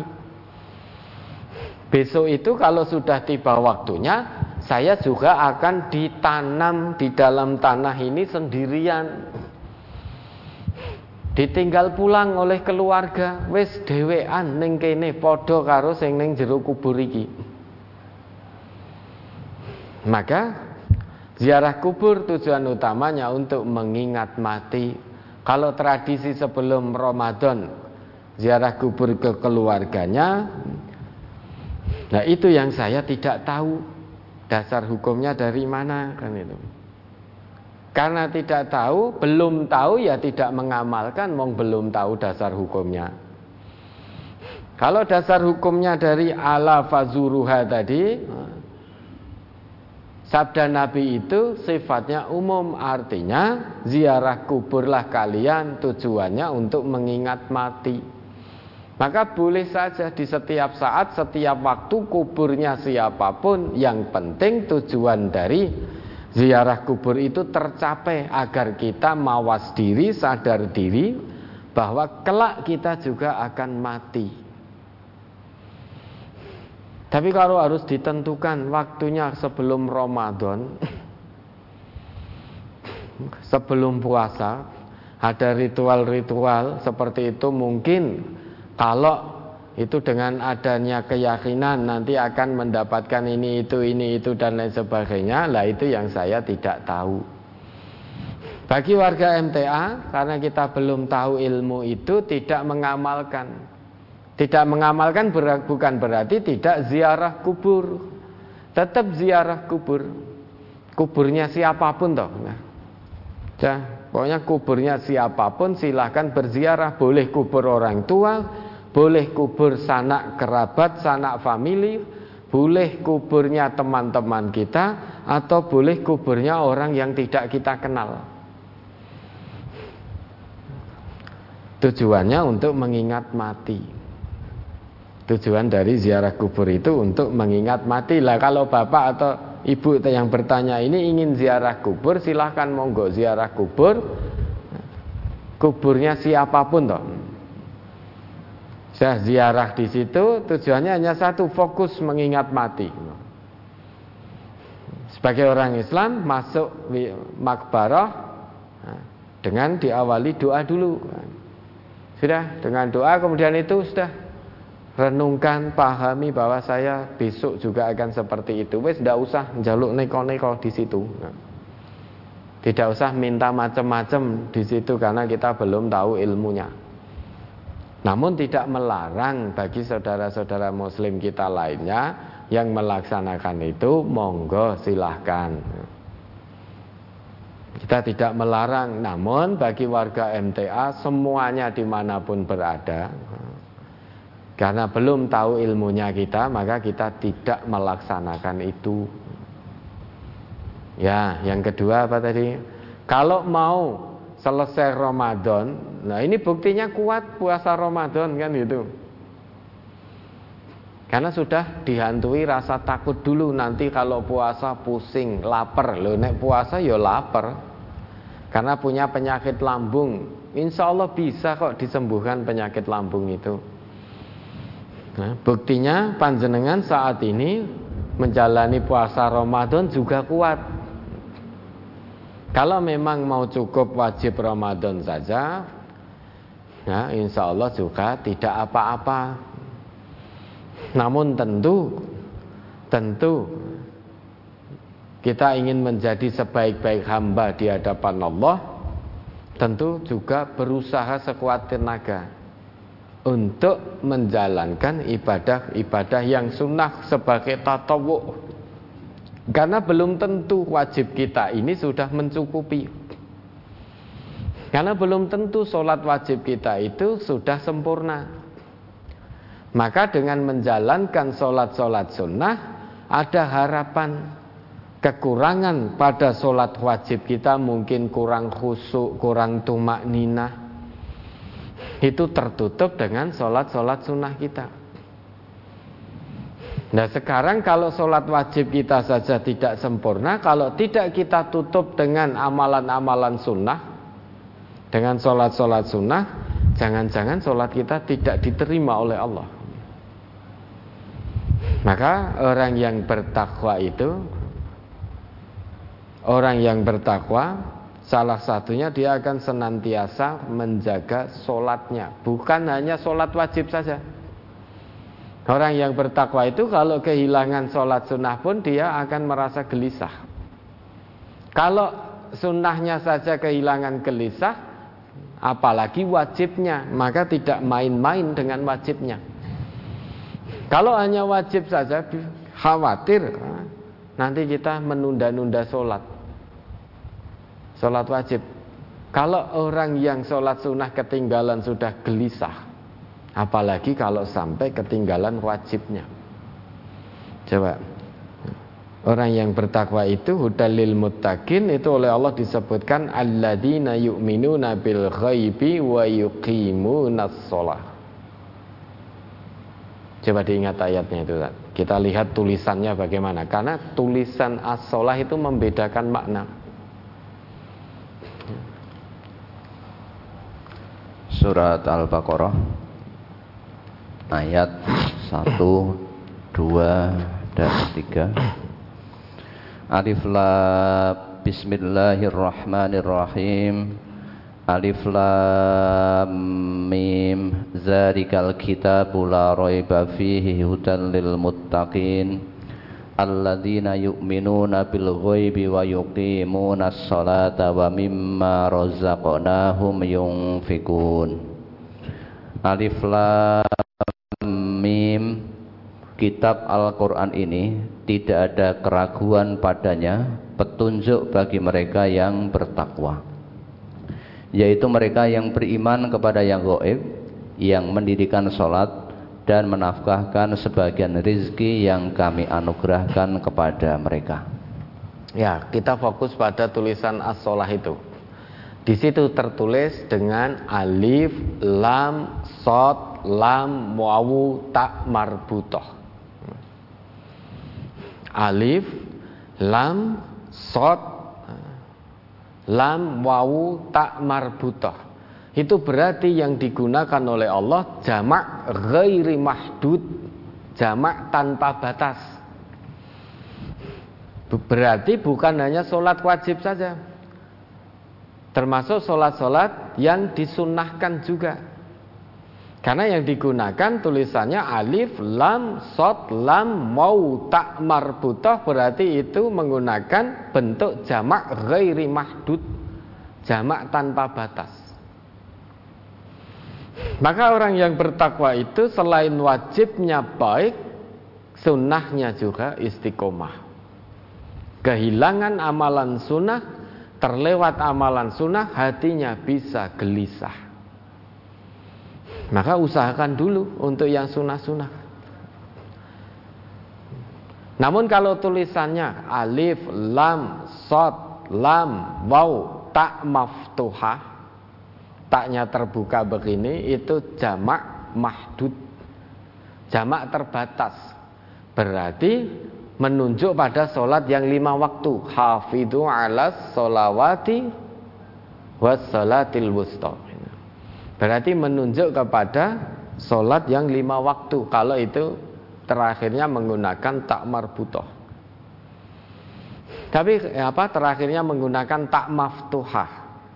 Itu berarti dengan jamak terbatas. Kalau belakangnya alif lam sod lam waw tak marbutoh berarti itu jamak ghairu mahdud. Jamak tanpa batas. Selain menunjuk pada solat yang wajib juga menunjuk pada solat-solat yang sunnah. Maka jangan dihantui ketakutan dulu. Beda antara takut sakit dan rasa malas itu beda tipis. Beda tipis. Karena sunnah kita bisa jadi untuk menutup kekurangan wajib kita. Usahakan dulu maka kita rubah, mari pola pikir kita kita rubah. Memang betul yang namanya sunnah itu kalau dikerjakan dapat pahala, ditinggalkan tidak berdosa. Jangan mudah-mudah kita mengucapkan Allah mung sunnah. Allah mung sunnah. Sunnah kan nek kalau tidak dijalankan tidak berdosa, kalau dijalankan mendapatkan pahala. Kata-kata Allah mung sunnah itu kalau kita mau menyadari bujuk rayu setan itu. Memang betul itu sunnah dikerjakan dapat pahala, tidak dikerjakan eh, tidak berdosa. Kalau memang hanya sesimpel itu kita memaknai, Lantas kenapa sunnah selalu ya, didengung-dengungkan, diperintahkan oleh Allah, oleh Nabi kita. Sholat tahajud itu sunnah. Namun kebaikannya luar biasa. Seseorang akan terangkat derajatnya ke tempat terpuji. Masalah dunianya diselesaikan oleh Allah. urusan pekerjaannya dilancarkan oleh Allah, rumah tangganya dijadikan oleh Allah sakinah, mawaddah, warahmah. Karena janji Allah begitu. Wa minal laili fatahajjat bihi nafilatalak sebagai nafilah tambahan untukmu. Berarti sunnah bagi kita. Tapi keutamaannya luar biasa. Asa ayyabu asaka rabbuka maqamam mahmuda. Keutamaannya Allah akan angkat, akan tempatkan pelaku-pelaku sholat tahajud yang sunnah ini secara istiqomah akan ditempatkan oleh Allah ke tempat yang terpuji bisa jadi rumah tangganya dijadikan oleh Allah sakinah, mawadah, warahmah. Meski secara hitungan nalar matematika manusia hasil yang didapat tidak cukup namun turun berkah dari Allah menjadi sangat-sangat cukup. Karena apa? Semua anggota keluarga tidak peduli dengan kebutuhan gaya hidup sehingga penuh dengan rasa syukur, rasa kona'ah Sehingga diangkat ke tempat yang terpuji oleh Allah. Urusan kebutuhan rumah tangganya diselesaikan oleh Allah. Dapatnya menurut perhitungan akal manusia sedikit Namun full berkah dari Allah. Sehingga cukup untuk hidup Bukan untuk memenuhi kebutuhan gaya hidup. Namun cukup untuk hidup penuh dengan rasa kona'ah, penuh dengan rasa syukur. Sedikit atau banyak yang Allah berikan disyukuri sepenuh hati. Tidak selalu merasa kurang, kurang, kurang, kurang dan kurang. Karena diangkat derajatnya oleh Allah ditempatkan ke tempat terpuji. Ini keutamaan dari sholat tahajud yang sunnah itu. Memang kalau kita tidak tahajud memang tidak dosa, wong itu sunnah. Namun kenapa kita tidak kepingin dengan janji dan iming-iming dari Allah? Iming-iming Allah itu bagi yang menjalankan sholat tahajud meski itu sunnah namun ditempatkan oleh Allah ke tempat terpuji urusan dunianya diselesaikan oleh Allah urusan rumah tangganya dimudahkan oleh Allah Rezekinya dilancarkan oleh Allah, dijauhkan dari gangguan manusia. Kalau ada manusia yang mengganggu, Allah yang melindungi. Dan lain sebagainya, dan lain sebagainya. Janji-janji dari Allah ini kenapa kita tidak kepingin? Coba kita balik. Kita dijanjikan oleh manusia. Padahal waktu itu keadaan kita pusing. Tapi manusia menjanjikan, pulang kamu ke sini yo. Tak beri uang sekian juta. Banyak orang dengan pusing-pusing tetap akan berangkat ke tempat itu karena kepingin uangnya. Sudah dijanjikan uang. Padahal Allah janjikan lebih dari itu. Termasuk di dalamnya tentu kebutuhan hidup sudah Allah janjikan. Lebih dari sekedar uang Allah janjikan kesehatan, Allah janjikan kesabaran saat diuji dengan hal-hal yang tidak menyenangkan akan dibersamai oleh Allah. Segala urusan dunia diselesaikan oleh Allah. Tapi banyak dari kita wes tidak mau dulu dihantui rasa takut dan lain sebagainya. Hantui rasa takut tidak sanggup melaksanakan sunnah dengan rasa malas itu beda tipis. Tapi kalau memang betul-betul bapak atau ibu, saudara atau saudari ini jika puasa memang betul-betul karena sakit lambung tadi tidak sanggup, ya, maka ya tidak mengapa. Jangankan puasa sunnah, puasa wajib pun kalau memang itu menyebabkan sakitnya bertambah parah, boleh mengambil rukhsah. Itu namanya penyakit kuat puasa tapi amat sangat payah. Nah, kalau memang itu yang terjadi ya, di samping ikhtiar insaninya periksanya terus istiqomah dilakukan, ikhtiar ilahinya juga maksimal dilakukan. Berarti untuk menjalankan ibadah puasa sunnah amat sangat payah wong wajib saja sangat payah karena sakitnya Namun bukan berarti lantas tidak mengamalkan sunnah-sunnah lainnya. Coba sholat sunnah rawatib itu, sholat sunnah yang mengiringi sholat-sholat wajib, diistiqomai, kebaikannya luar biasa itu dijanjikan oleh Nabi kita. Masa tidak kepingin, diiming-imingi surga masa tidak kepingin? Ya silakan, tapi semuanya kembali pada diri kita masing-masing. Memang ya ada yang mencukupkan wajib. Dengan alasan kaya ngono apik. Lawang wajibku saja belum benar nanti kalau wajibku sudah benar sudah istiqomah baru akan aku tunaikan yang sunnah. Nah, koyone kan apik. Setan itu terkadang membisiki hamba Allah dengan maksiat vulgar. Itu banyak hamba Allah yang gak mau Nah, tapi setan punya banyak cara. Bisa membisiki dengan sesuatu-sesuatu yang mubah sehingga kita muncul rasa malas. Biar kebaikan tidak bertambah.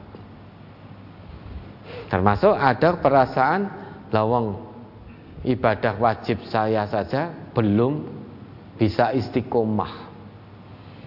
Masa iya menjalankan sunnah Sing penting wajib bisik.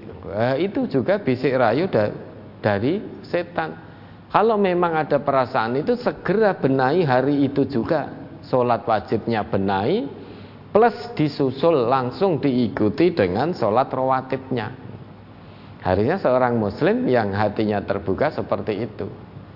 Namun ya monggo, eh, semua kembali kepada dirinya sendiri Padahal yang namanya satu kebaikan lipat gandanya itu bisa 10 sampai 700 kali. Diiming-imingi surga. Masa kita tidak kepingin lawang kita diiming-imingi uang oleh manusia saja, oleh orang lain saja kita kepingin. Diiming-imingi pekerjaan oleh orang saja, oleh manusia saja kita juga sangat-sangat kepingin. Masa diiming-imingi surga oleh Allah, oleh Rasul kita tidak kepingin. Ya, maka tanyakan nuraninya masing-masing. kalau memang mencukupkan wajibnya, mudah-mudahan wajibnya memang cukup untuk membawa ke surga. Kalau sampai wajibnya kurang, membawa ke surga belum cukup, ada harapan tercukupi pula dari yang sunah-sunahnya. Kalau sampai wajibnya tidak cukup membawanya ke surga, Nah, berarti ya tidak mampu wajibnya untuk mengantarkan seseorang menuju surganya Allah. Masih kurang berarti. Ya, mudah-mudahan kalau Bapak mencukupkan wajib, mudah-mudahan wajibnya sudah cukup dinilai oleh Allah bisa membawa menuju surganya Allah. Ya, ada lagi. Di tempat saya biasanya salat tarawih pada tanggal 21 23, 25, 27, 29 lalu sholat Lailatul Qadar lalu witir. Saya harus bagaimana menunggu sholat witirnya? Apa saya witir sendiri di rumah? Itu pilihan jenengan mukhayyar. Mau menunggu sampai selesai kemudian ikut sholat witirnya monggo boleh.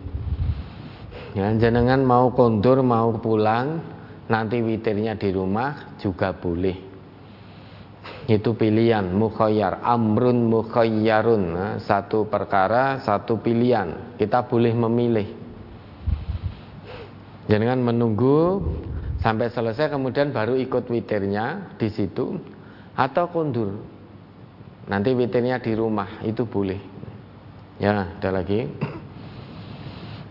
Saya dulu sebelum bulan Ramadan tiap hari membaca Al-Quran kalau khotam saya ulang-ulang lagi terus sampai ketemu bulan Ramadan ini belum khotam. Kalau baca Al-Quran di bulan Ramadan apa harus dari awal? Apa dilanjutkan yang baca kemarin yang belum khotam itu Ustaz? Kemudian yang kedua, saya ikut sholat taraweh ke musola. Di situ tarawehnya 23 rakaat, witirnya dua salam terus satu salam Terus saya tarawehnya 8 rakaat. Saya kalau sudah dapat 8 rakaat pulang, terus sholat witir di rumah. yang saya lakukan benar apa tidak Ustadz? Kalau tidak benar seharusnya saya bagaimana? Dan saya apa mendapatkan seperti sholat sunnah satu malam seperti hadis yang sudah dibacakan Ustadz?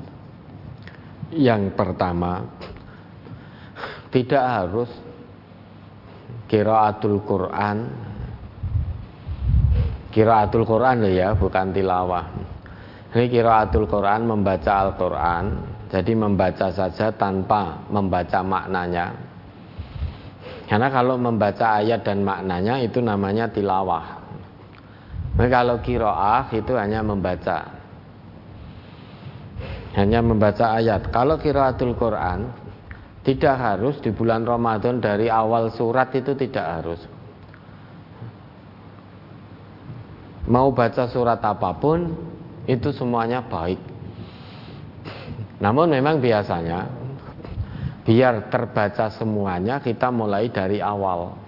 Karena biar bagaimanapun dari awal satu huruf bahkan sampai huruf terakhir itu kebaikan ada pahalanya satu huruf dilipat gandakan sepuluh kali lipat.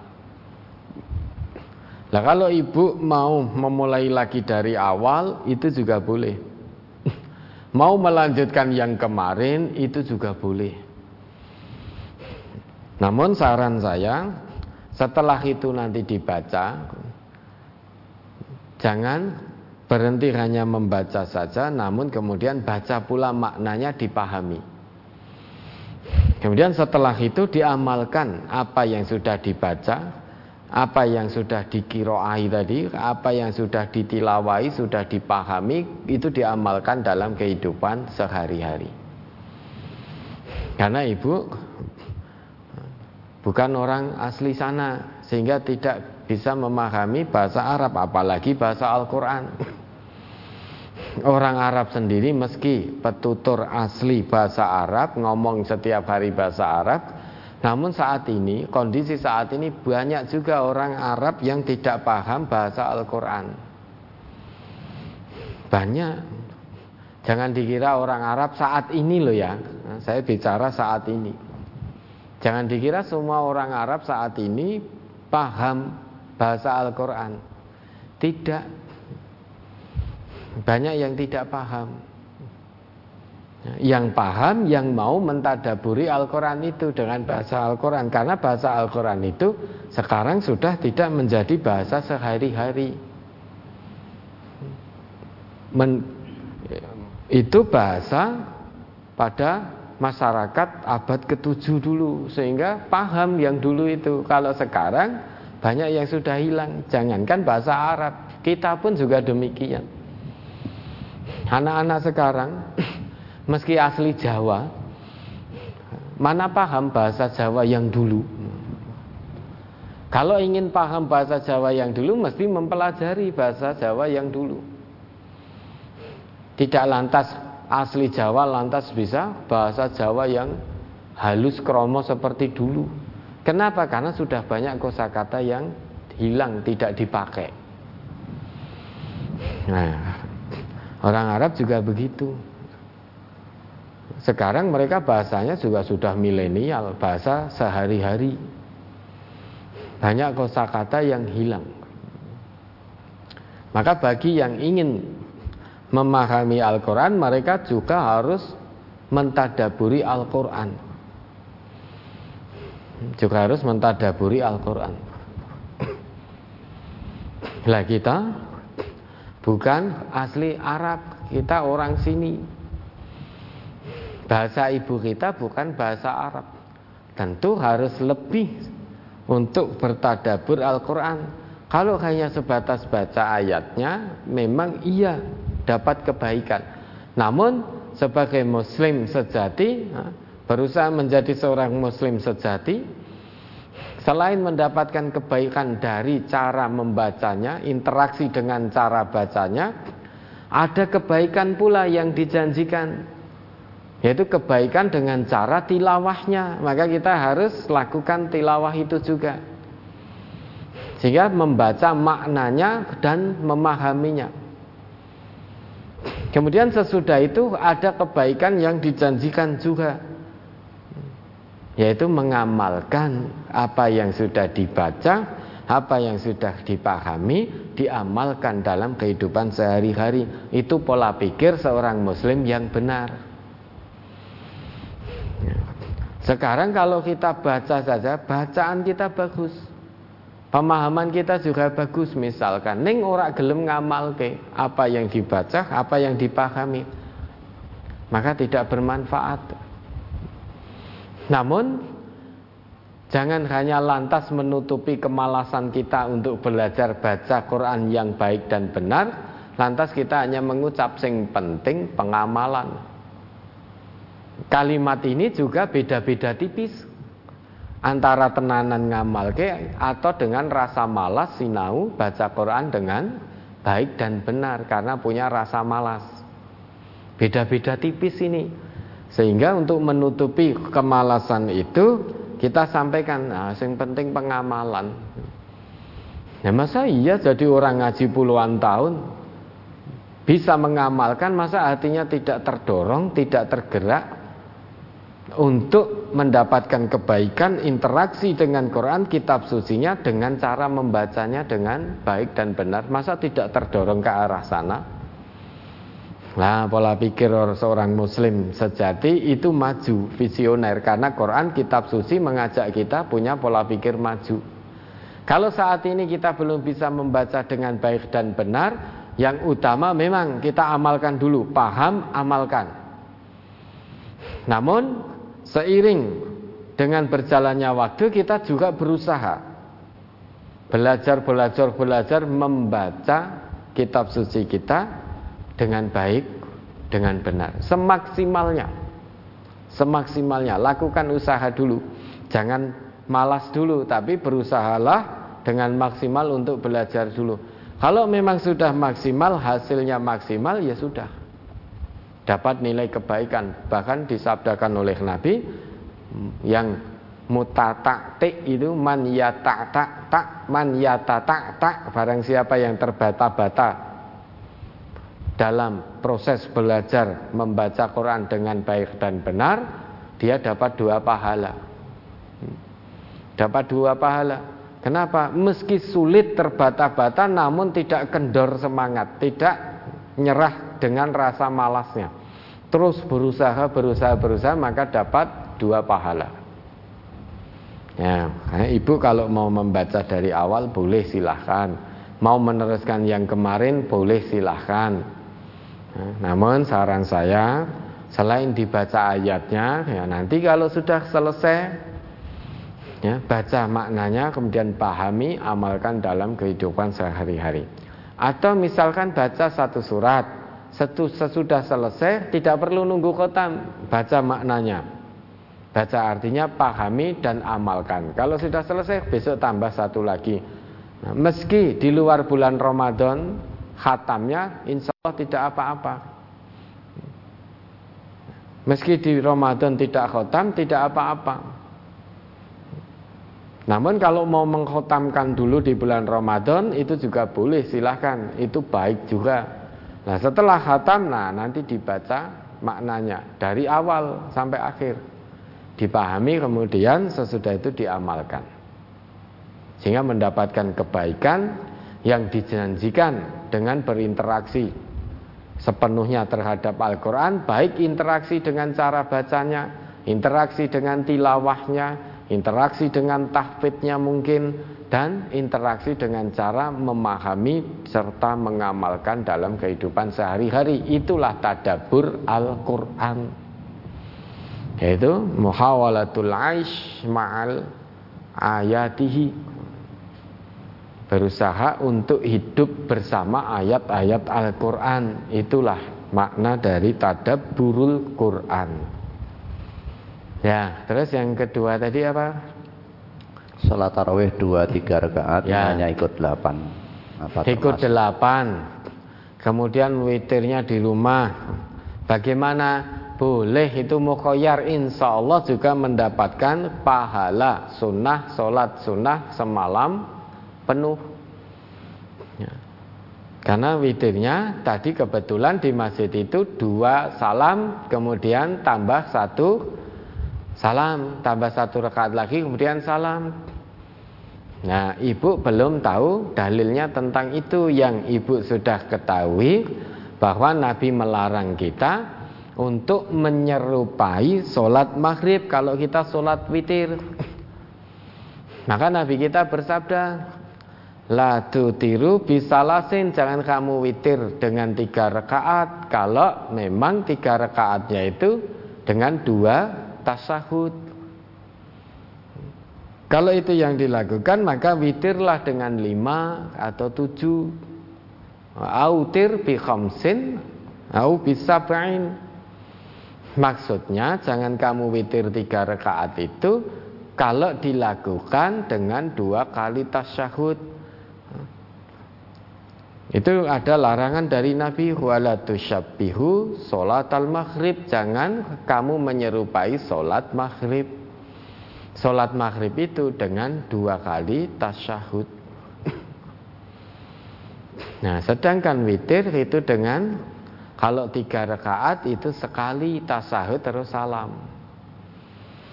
Kalau tujuh rakaat maka dengan dua kali tasyahud.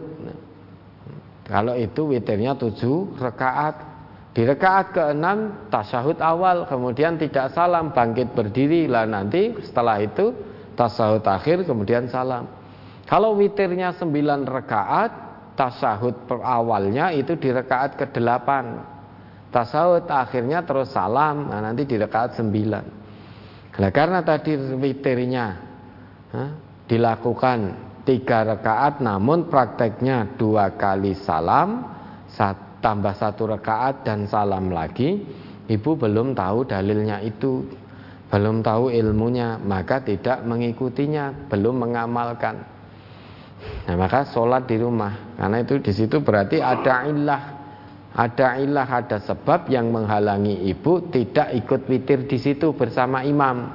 Sebabnya apa? Karena belum tahu dasar hukumnya. Nah, insya Allah Allah maha mengetahui dan insya Allah ibu juga akan mendapatkan pahala kebaikan yang dijanjikan. Ya, ada lagi. Masih dari brosur halaman pertama. An Abi Hurairah radhiyallahu anhu anin Nabi sallallahu alaihi wasallam qala Man soma Ramadhana imanan wa ihtisaban ghufira lahu ma taqaddama min dzanbi wa man qama lailatal qadri imanan wa ihtisaban ghufira lahu ma taqaddama min dzanbi Rawahul Bukhari.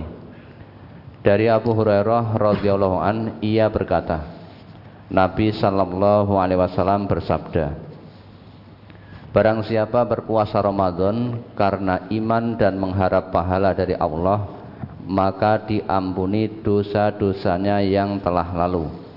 Dan barang siapa sholat malam pada malam Lailatul Qadar karena iman dan mengharap pahala dari Allah, maka diampuni dosa-dosanya yang telah lalu. Hadis riwayat Bukhari. Dari hadis tersebut diterangkan bahwa sholat malam yang bertepatan dengan malam Lailatul Qadar maka akan diampuni dosanya yang telah lalu. Apakah malam Lailatul Qadar masih ada atau masih turun? Bagaimana cara mengetahui kalau malam Lailatul Qadar akan turun di malam itu? Memang ada hadis dari Nabi yang menyebutkan bahwa malam Lailatul Qadar itu itu di malam-malam ganjil. Ya, malam 21, 23, 25, 10 hari terakhir di bulan Ramadan. Ada hadis Nabi yang menyebutkan seperti itu. Dan Nabi juga ngendika bahwa bulan Ramadan itu ada satu malam di situ. Malam itu penuh berkah lebih baik daripada seribu bulan. Nah dari sini maka ada perbedaan di antara orang Islam terkait Lailatul Qadar ini. Apakah turun setiap Ramadan atau tidak jumhurul ulama, mayoritas ulama menyatakan bahwa setiap bulan Ramadan itu turun Lailatul Qadar. Berdasarkan hadis-hadis Nabi yang banyak tersebar ada malam Lailatul Qadar. Namun ada pula yang menyatakan bahwa malam Lailatul Qadar itu adalah dulu waktu Al-Qur'an turun dari turun ke langit dunia. Dari lauh mahfud jumlah wahidah turun ilas sama dunia. Ya, dari lauh mahfud secara satu kali turun itu ke langit dunia secara daf'ah wahidah jumlah wahidah. Jadi turun 30 juz langsung ke langit dunia Nah, kemudian nanti turunnya kepada Nabi melalui malaikat Jibril itu secara munajjama. Secara bertahap. Namun dari lauh mahfud ke langit dunia itu turun langsung sekaligus yaitu 30 juz. Nah, pada waktu turunnya itu 30 juz ke langit dunia seluruh malaikat mengawal turunnya itu. Maka dari situ satu malam pada waktu itu menjadi malam pemisah, menjadi malam pembeda sehingga kebaikannya satu malam lebih baik daripada seribu bulan. Seribu bulan di mana ketika Quran belum turun. Manusia dalam kegelapan begitu Quran, Quran turun maka pada malam itulah satu malam lebih baik daripada seribu bulan. Dan Quran diturunkan pada bulan Ramadan.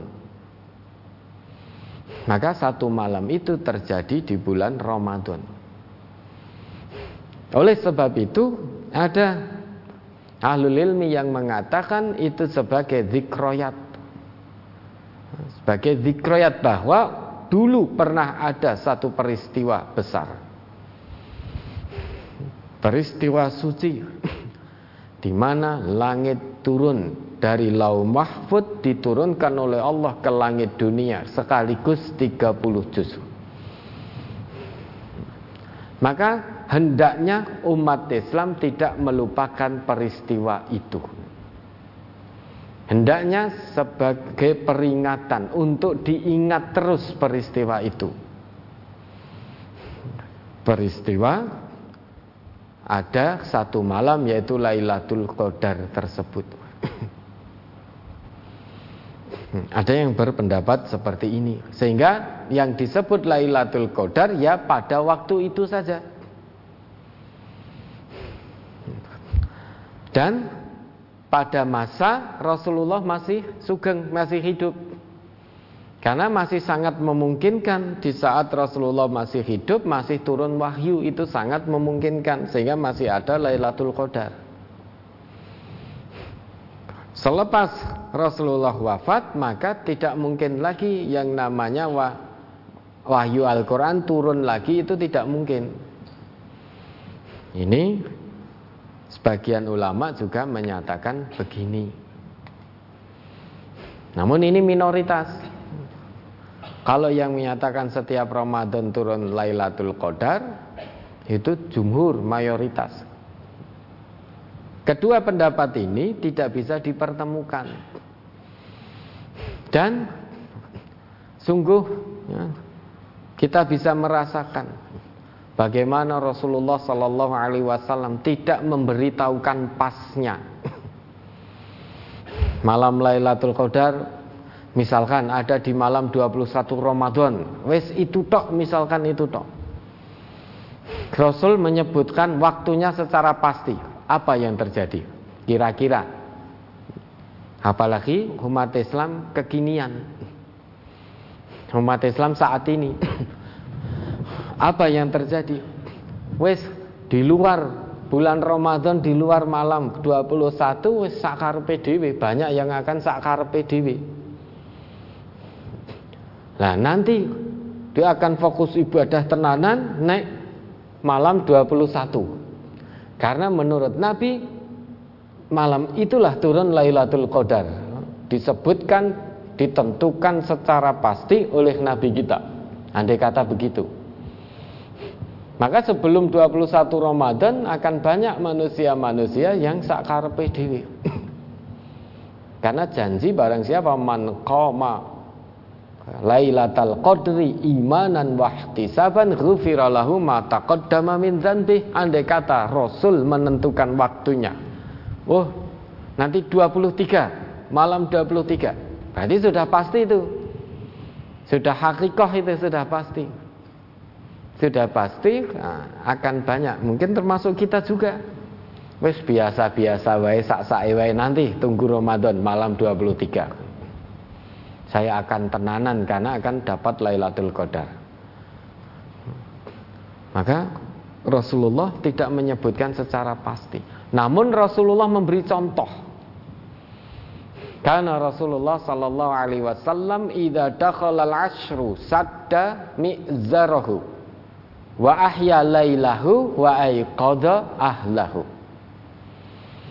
Adalah Rasulullah jika memasuki 10 hari terakhir bulan Ramadan syadda mi'zarahu beliau kencangkan ikat pinggangnya dalam arti lebih bersemangat lagi untuk beribadah. Lebih semangat lagi untuk mendekatkan diri kepada Allah. Meski di malam-malam sebelumnya beliau tentu sangat dekat sekali kepada Allah.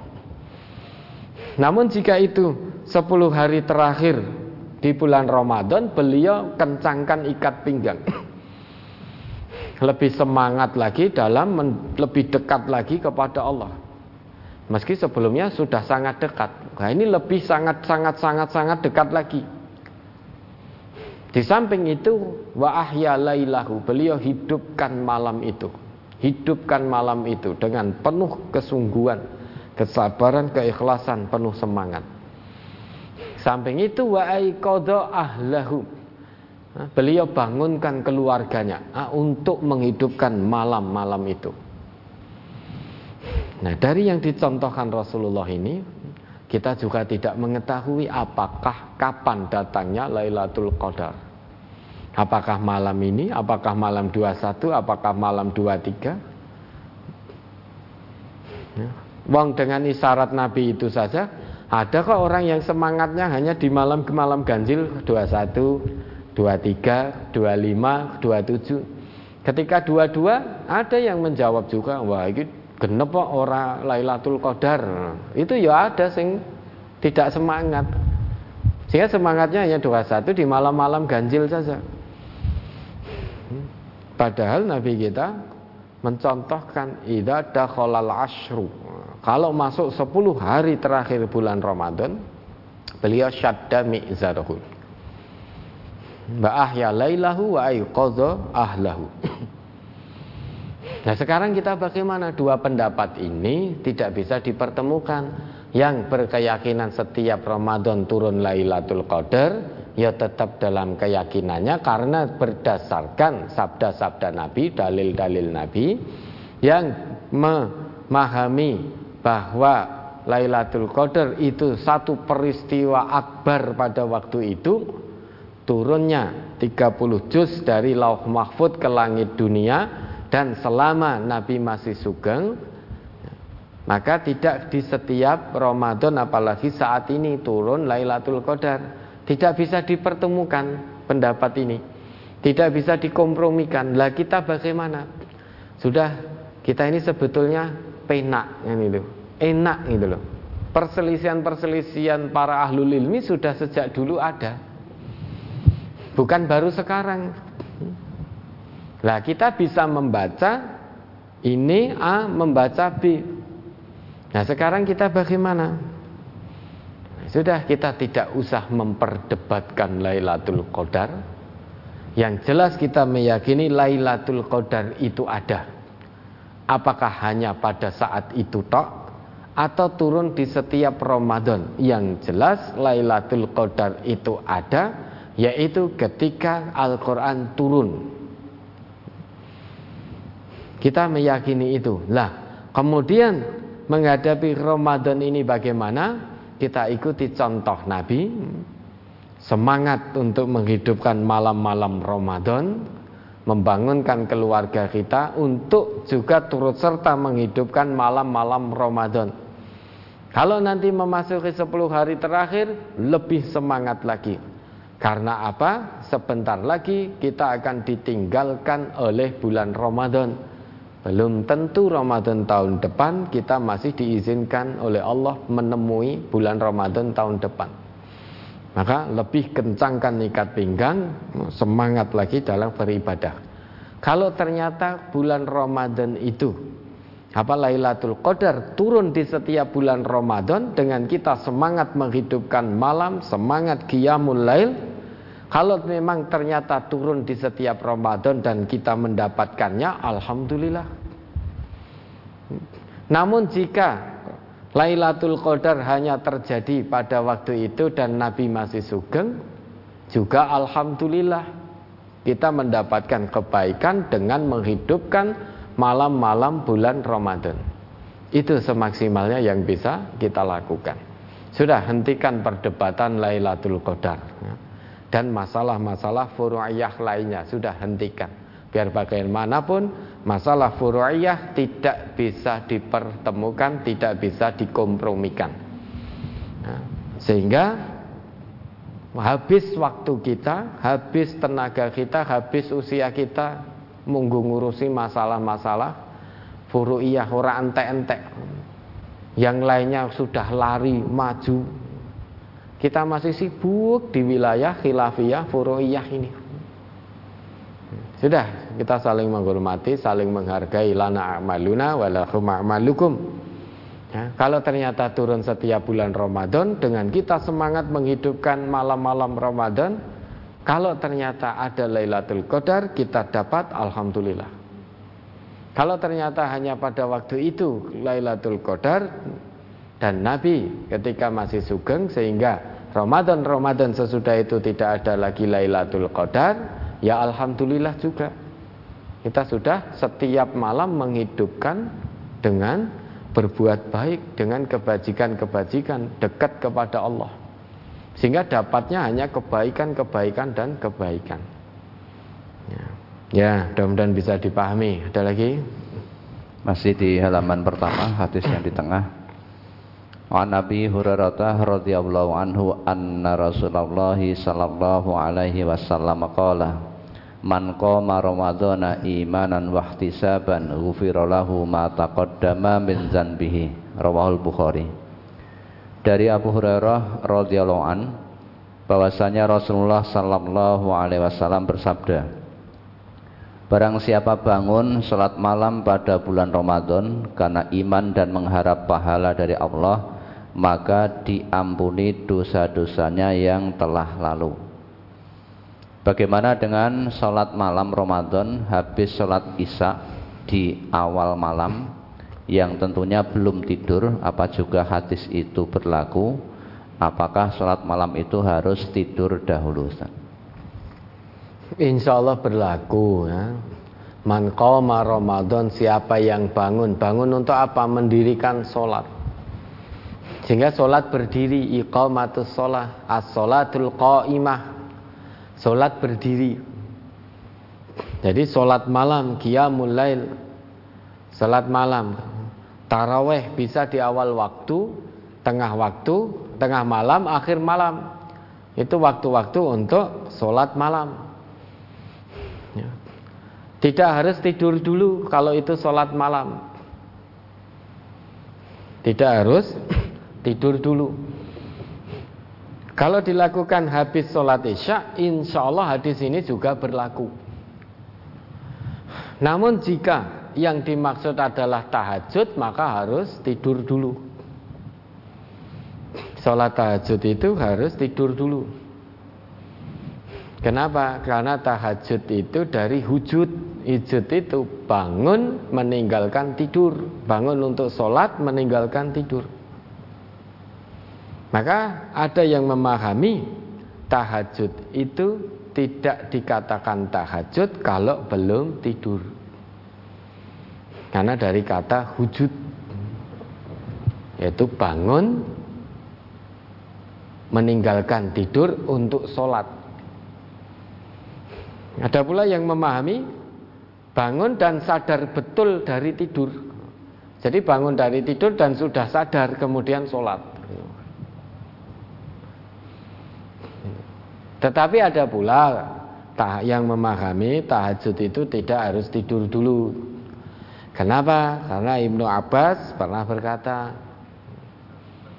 barang siapa yang sholat dua rakaat sesudah sholat isya, sesudah sholat apa apa dia isya itu, dia sudah dihitung dalam keadaan malam dia sudah dihitung dalam keadaan malam dan bermunajat kepada Allah. Namun demikian, ada pula yang meyakini tahajud itu dari hujud yaitu tidur, maka namanya tahajud fatahajat bihi. Meskipun dengan naum yasiron, nauman yasiron, meskipun dengan tidur yang ringan. Yang namanya tahajud itu harus tidur meski hanya dengan tidur yang ringan. Dan waktu yang paling utama adalah sepertiga malam. Namun jika kita lakukan sholat lail, tahajud itu bagian dari sholat lail. Cuma tahajud harus tidur dulu. Kalau kita sholat lail, misalkan taraweh, kemudian witir, itu sebelum tidur tidak apa-apa. Nah, sholat lail atau yang dilakukan sesudah sholat isya, itu juga mendapatkan kebaikan gufirallahu mataqaddama min. Juga akan mendapatkan kebaikan. Karena sholat lail itu waktunya dari awal malam, tengah malam, akhir malam. Semuanya pernah dilakukan oleh Nabi kita. Baik di awal malam, tengah malam atau akhir malam.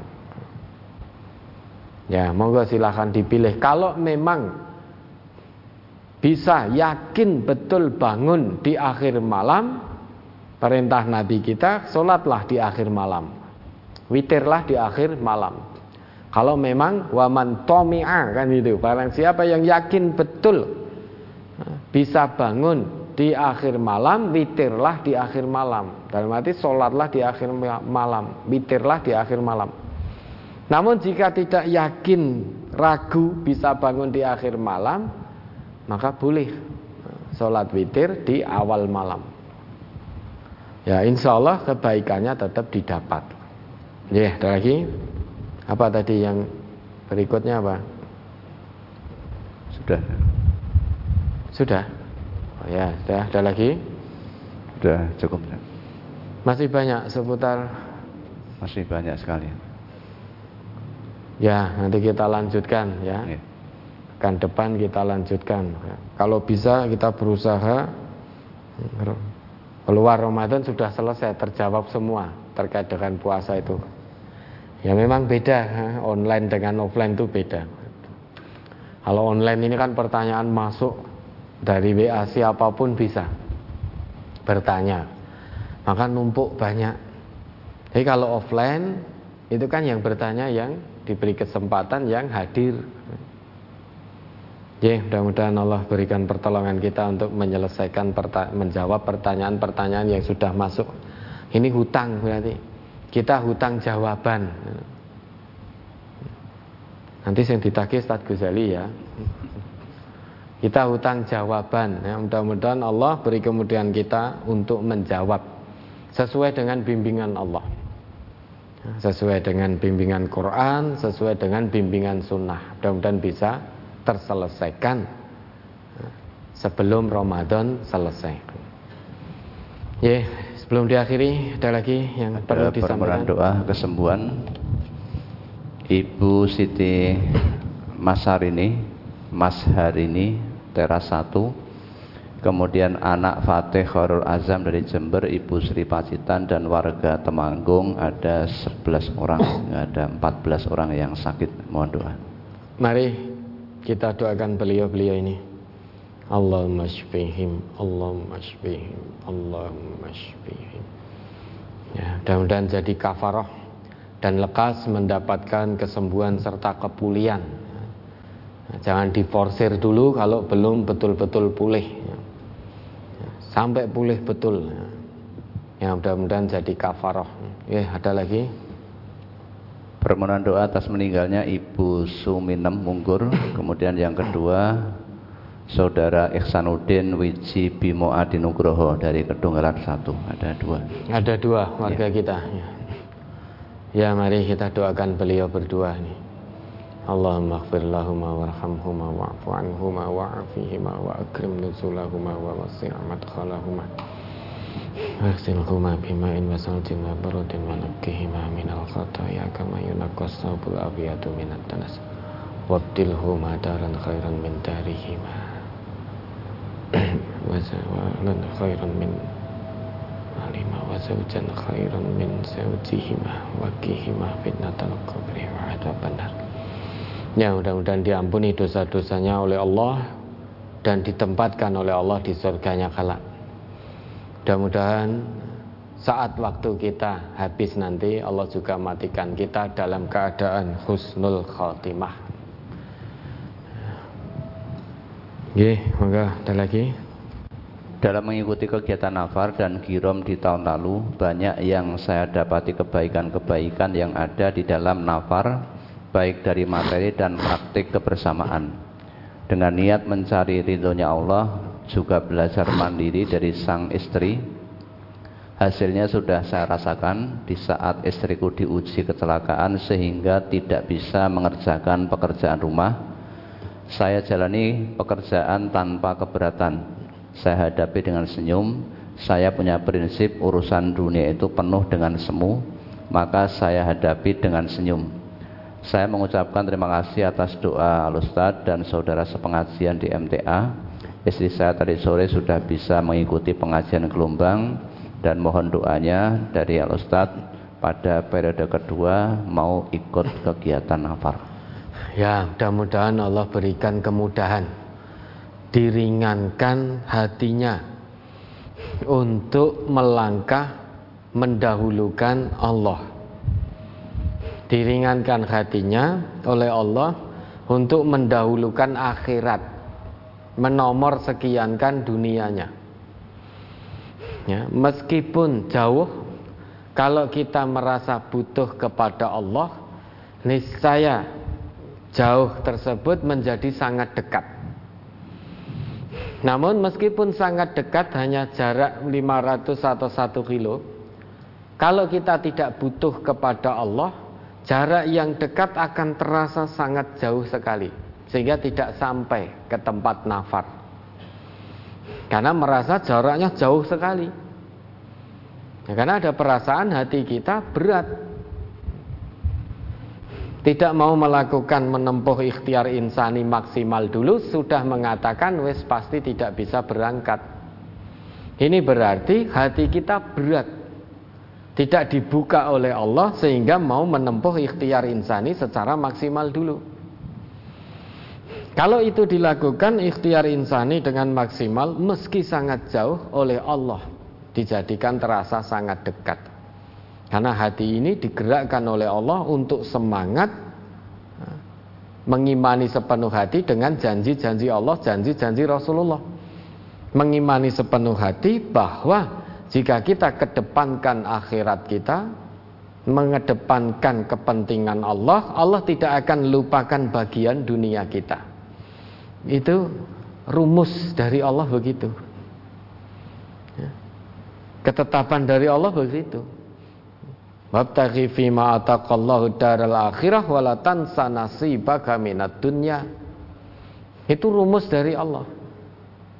Kalau ingin bagian dunia tidak dilupakan oleh Allah, maka dahulukan akhiratmu.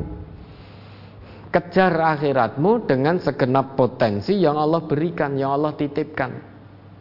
Kejar semua potensi yang Allah titipkan pada kita ini hakikatnya untuk mengejar akhirat kita bukan untuk mengejar dunia kita. Jangan terbolak-balik pola pikir kita. Jangan takut kehilangan bagian dunia, namun takutlah kehilangan bagian akhirat. Kalau kita dahulukan menomorsatukan kepentingan dunia, segalanya untuk dunia, bisa dipastikan akhirat tidak dapat apa-apa. Ya. Namun biar dua-duanya dapat, rumus yang Allah berikan, kejar akhiratmu dulu, utamakan akhiratmu, niscaya Allah tidak akan lupakan bagian duniamu. Sehingga kalau kita mengutamakan akhirat, dunianya disertakan oleh Allah sudah. Sesuai dengan kebutuhan kita dalam mendekatkan diri kepada Allah. Bukan sesuai keinginan kita. Jadi Allah yang maha mengetahui terkait dunia kita. Allah akan memberi sesuai kebutuhan kita untuk mendekat kepada Allah, tidak sesuai keinginan kita. Ya. Maka jangan takut, jangan takut untuk meyakini janji-janji Allah, meyakini janji-janji Rasulullah. Jangan takut untuk mengedepankan akhirat. Jangan takut kehilangan dunia untuk mengedepankan akhirat. Itu tidak akan terjadi. Kalau kita lillahi ta'ala betul Meyakini sepenuh hati janji Allah Mengedepankan akhirat Yang terjadi Allah akan sertakan bagian dunia kita. Maka tidak akan mungkin kehilangan dunia. Karena Allah yang sudah berjanji. Nah orang yang mengedepankan akhirat itulah orang yang senantiasa merasa butuh kepada Allah. Kalau orang yang menomorsatukan dunia itulah orang yang tidak butuh kepada Allah. Kalau tidak butuh kepada Allah maka akan jual mahal. Jual mahal belum dicoba belum apa-apa sudah menyerah lah kan jual mahal.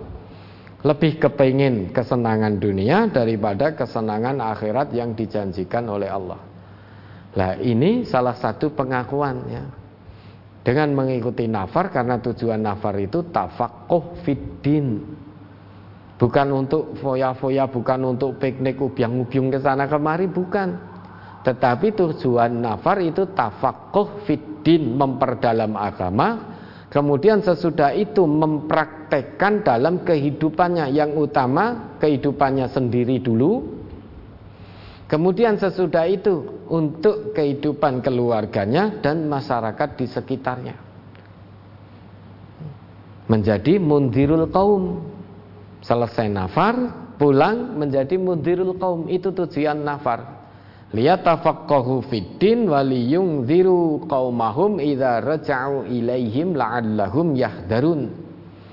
Nafar adalah tafaqquh fiddin, memperdalam ilmu agama mengkaji, mentadaburi tuntunan-tuntunan agama, begitu paham, diamalkan sendiri, kemudian menjadi munzirul kaum.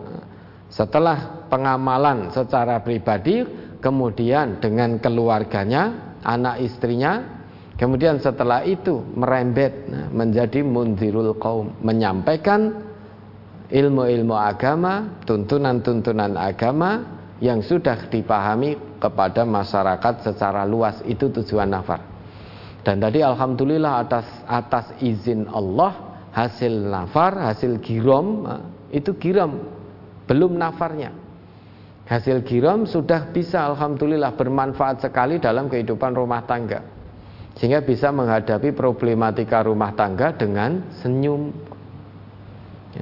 dengan senyum berarti tidak ada beban, merasa itu bukan beban, merasa itu bukan problem. Kenapa? Karena Allah yang membuat hatinya tersenyum. Atas dasar apa? Atas dasar mengamalkan hasil kajinya, mengamalkan agamanya, maka hatinya dibuat tersenyum oleh Allah.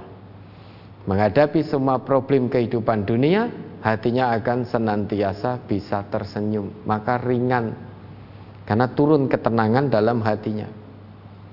Ya, mudah-mudahan Allah meridhai dan dinilai sebagai kebaikan di sisi Allah. Tasqihun niyah, luruskan niat, benarkan niat, tujuan nafar itu lillahi taala, bukan untuk yang lain-lain. Mudah-mudahan Allah meridhai. Dan tentu kepada peserta nafirin segenap peserta nafar Ramadan tahun ini, semuanya luruskan niat. Dengan begitu mudah-mudahan Allah meridhoi. Mudah-mudahan Allah meridhoi.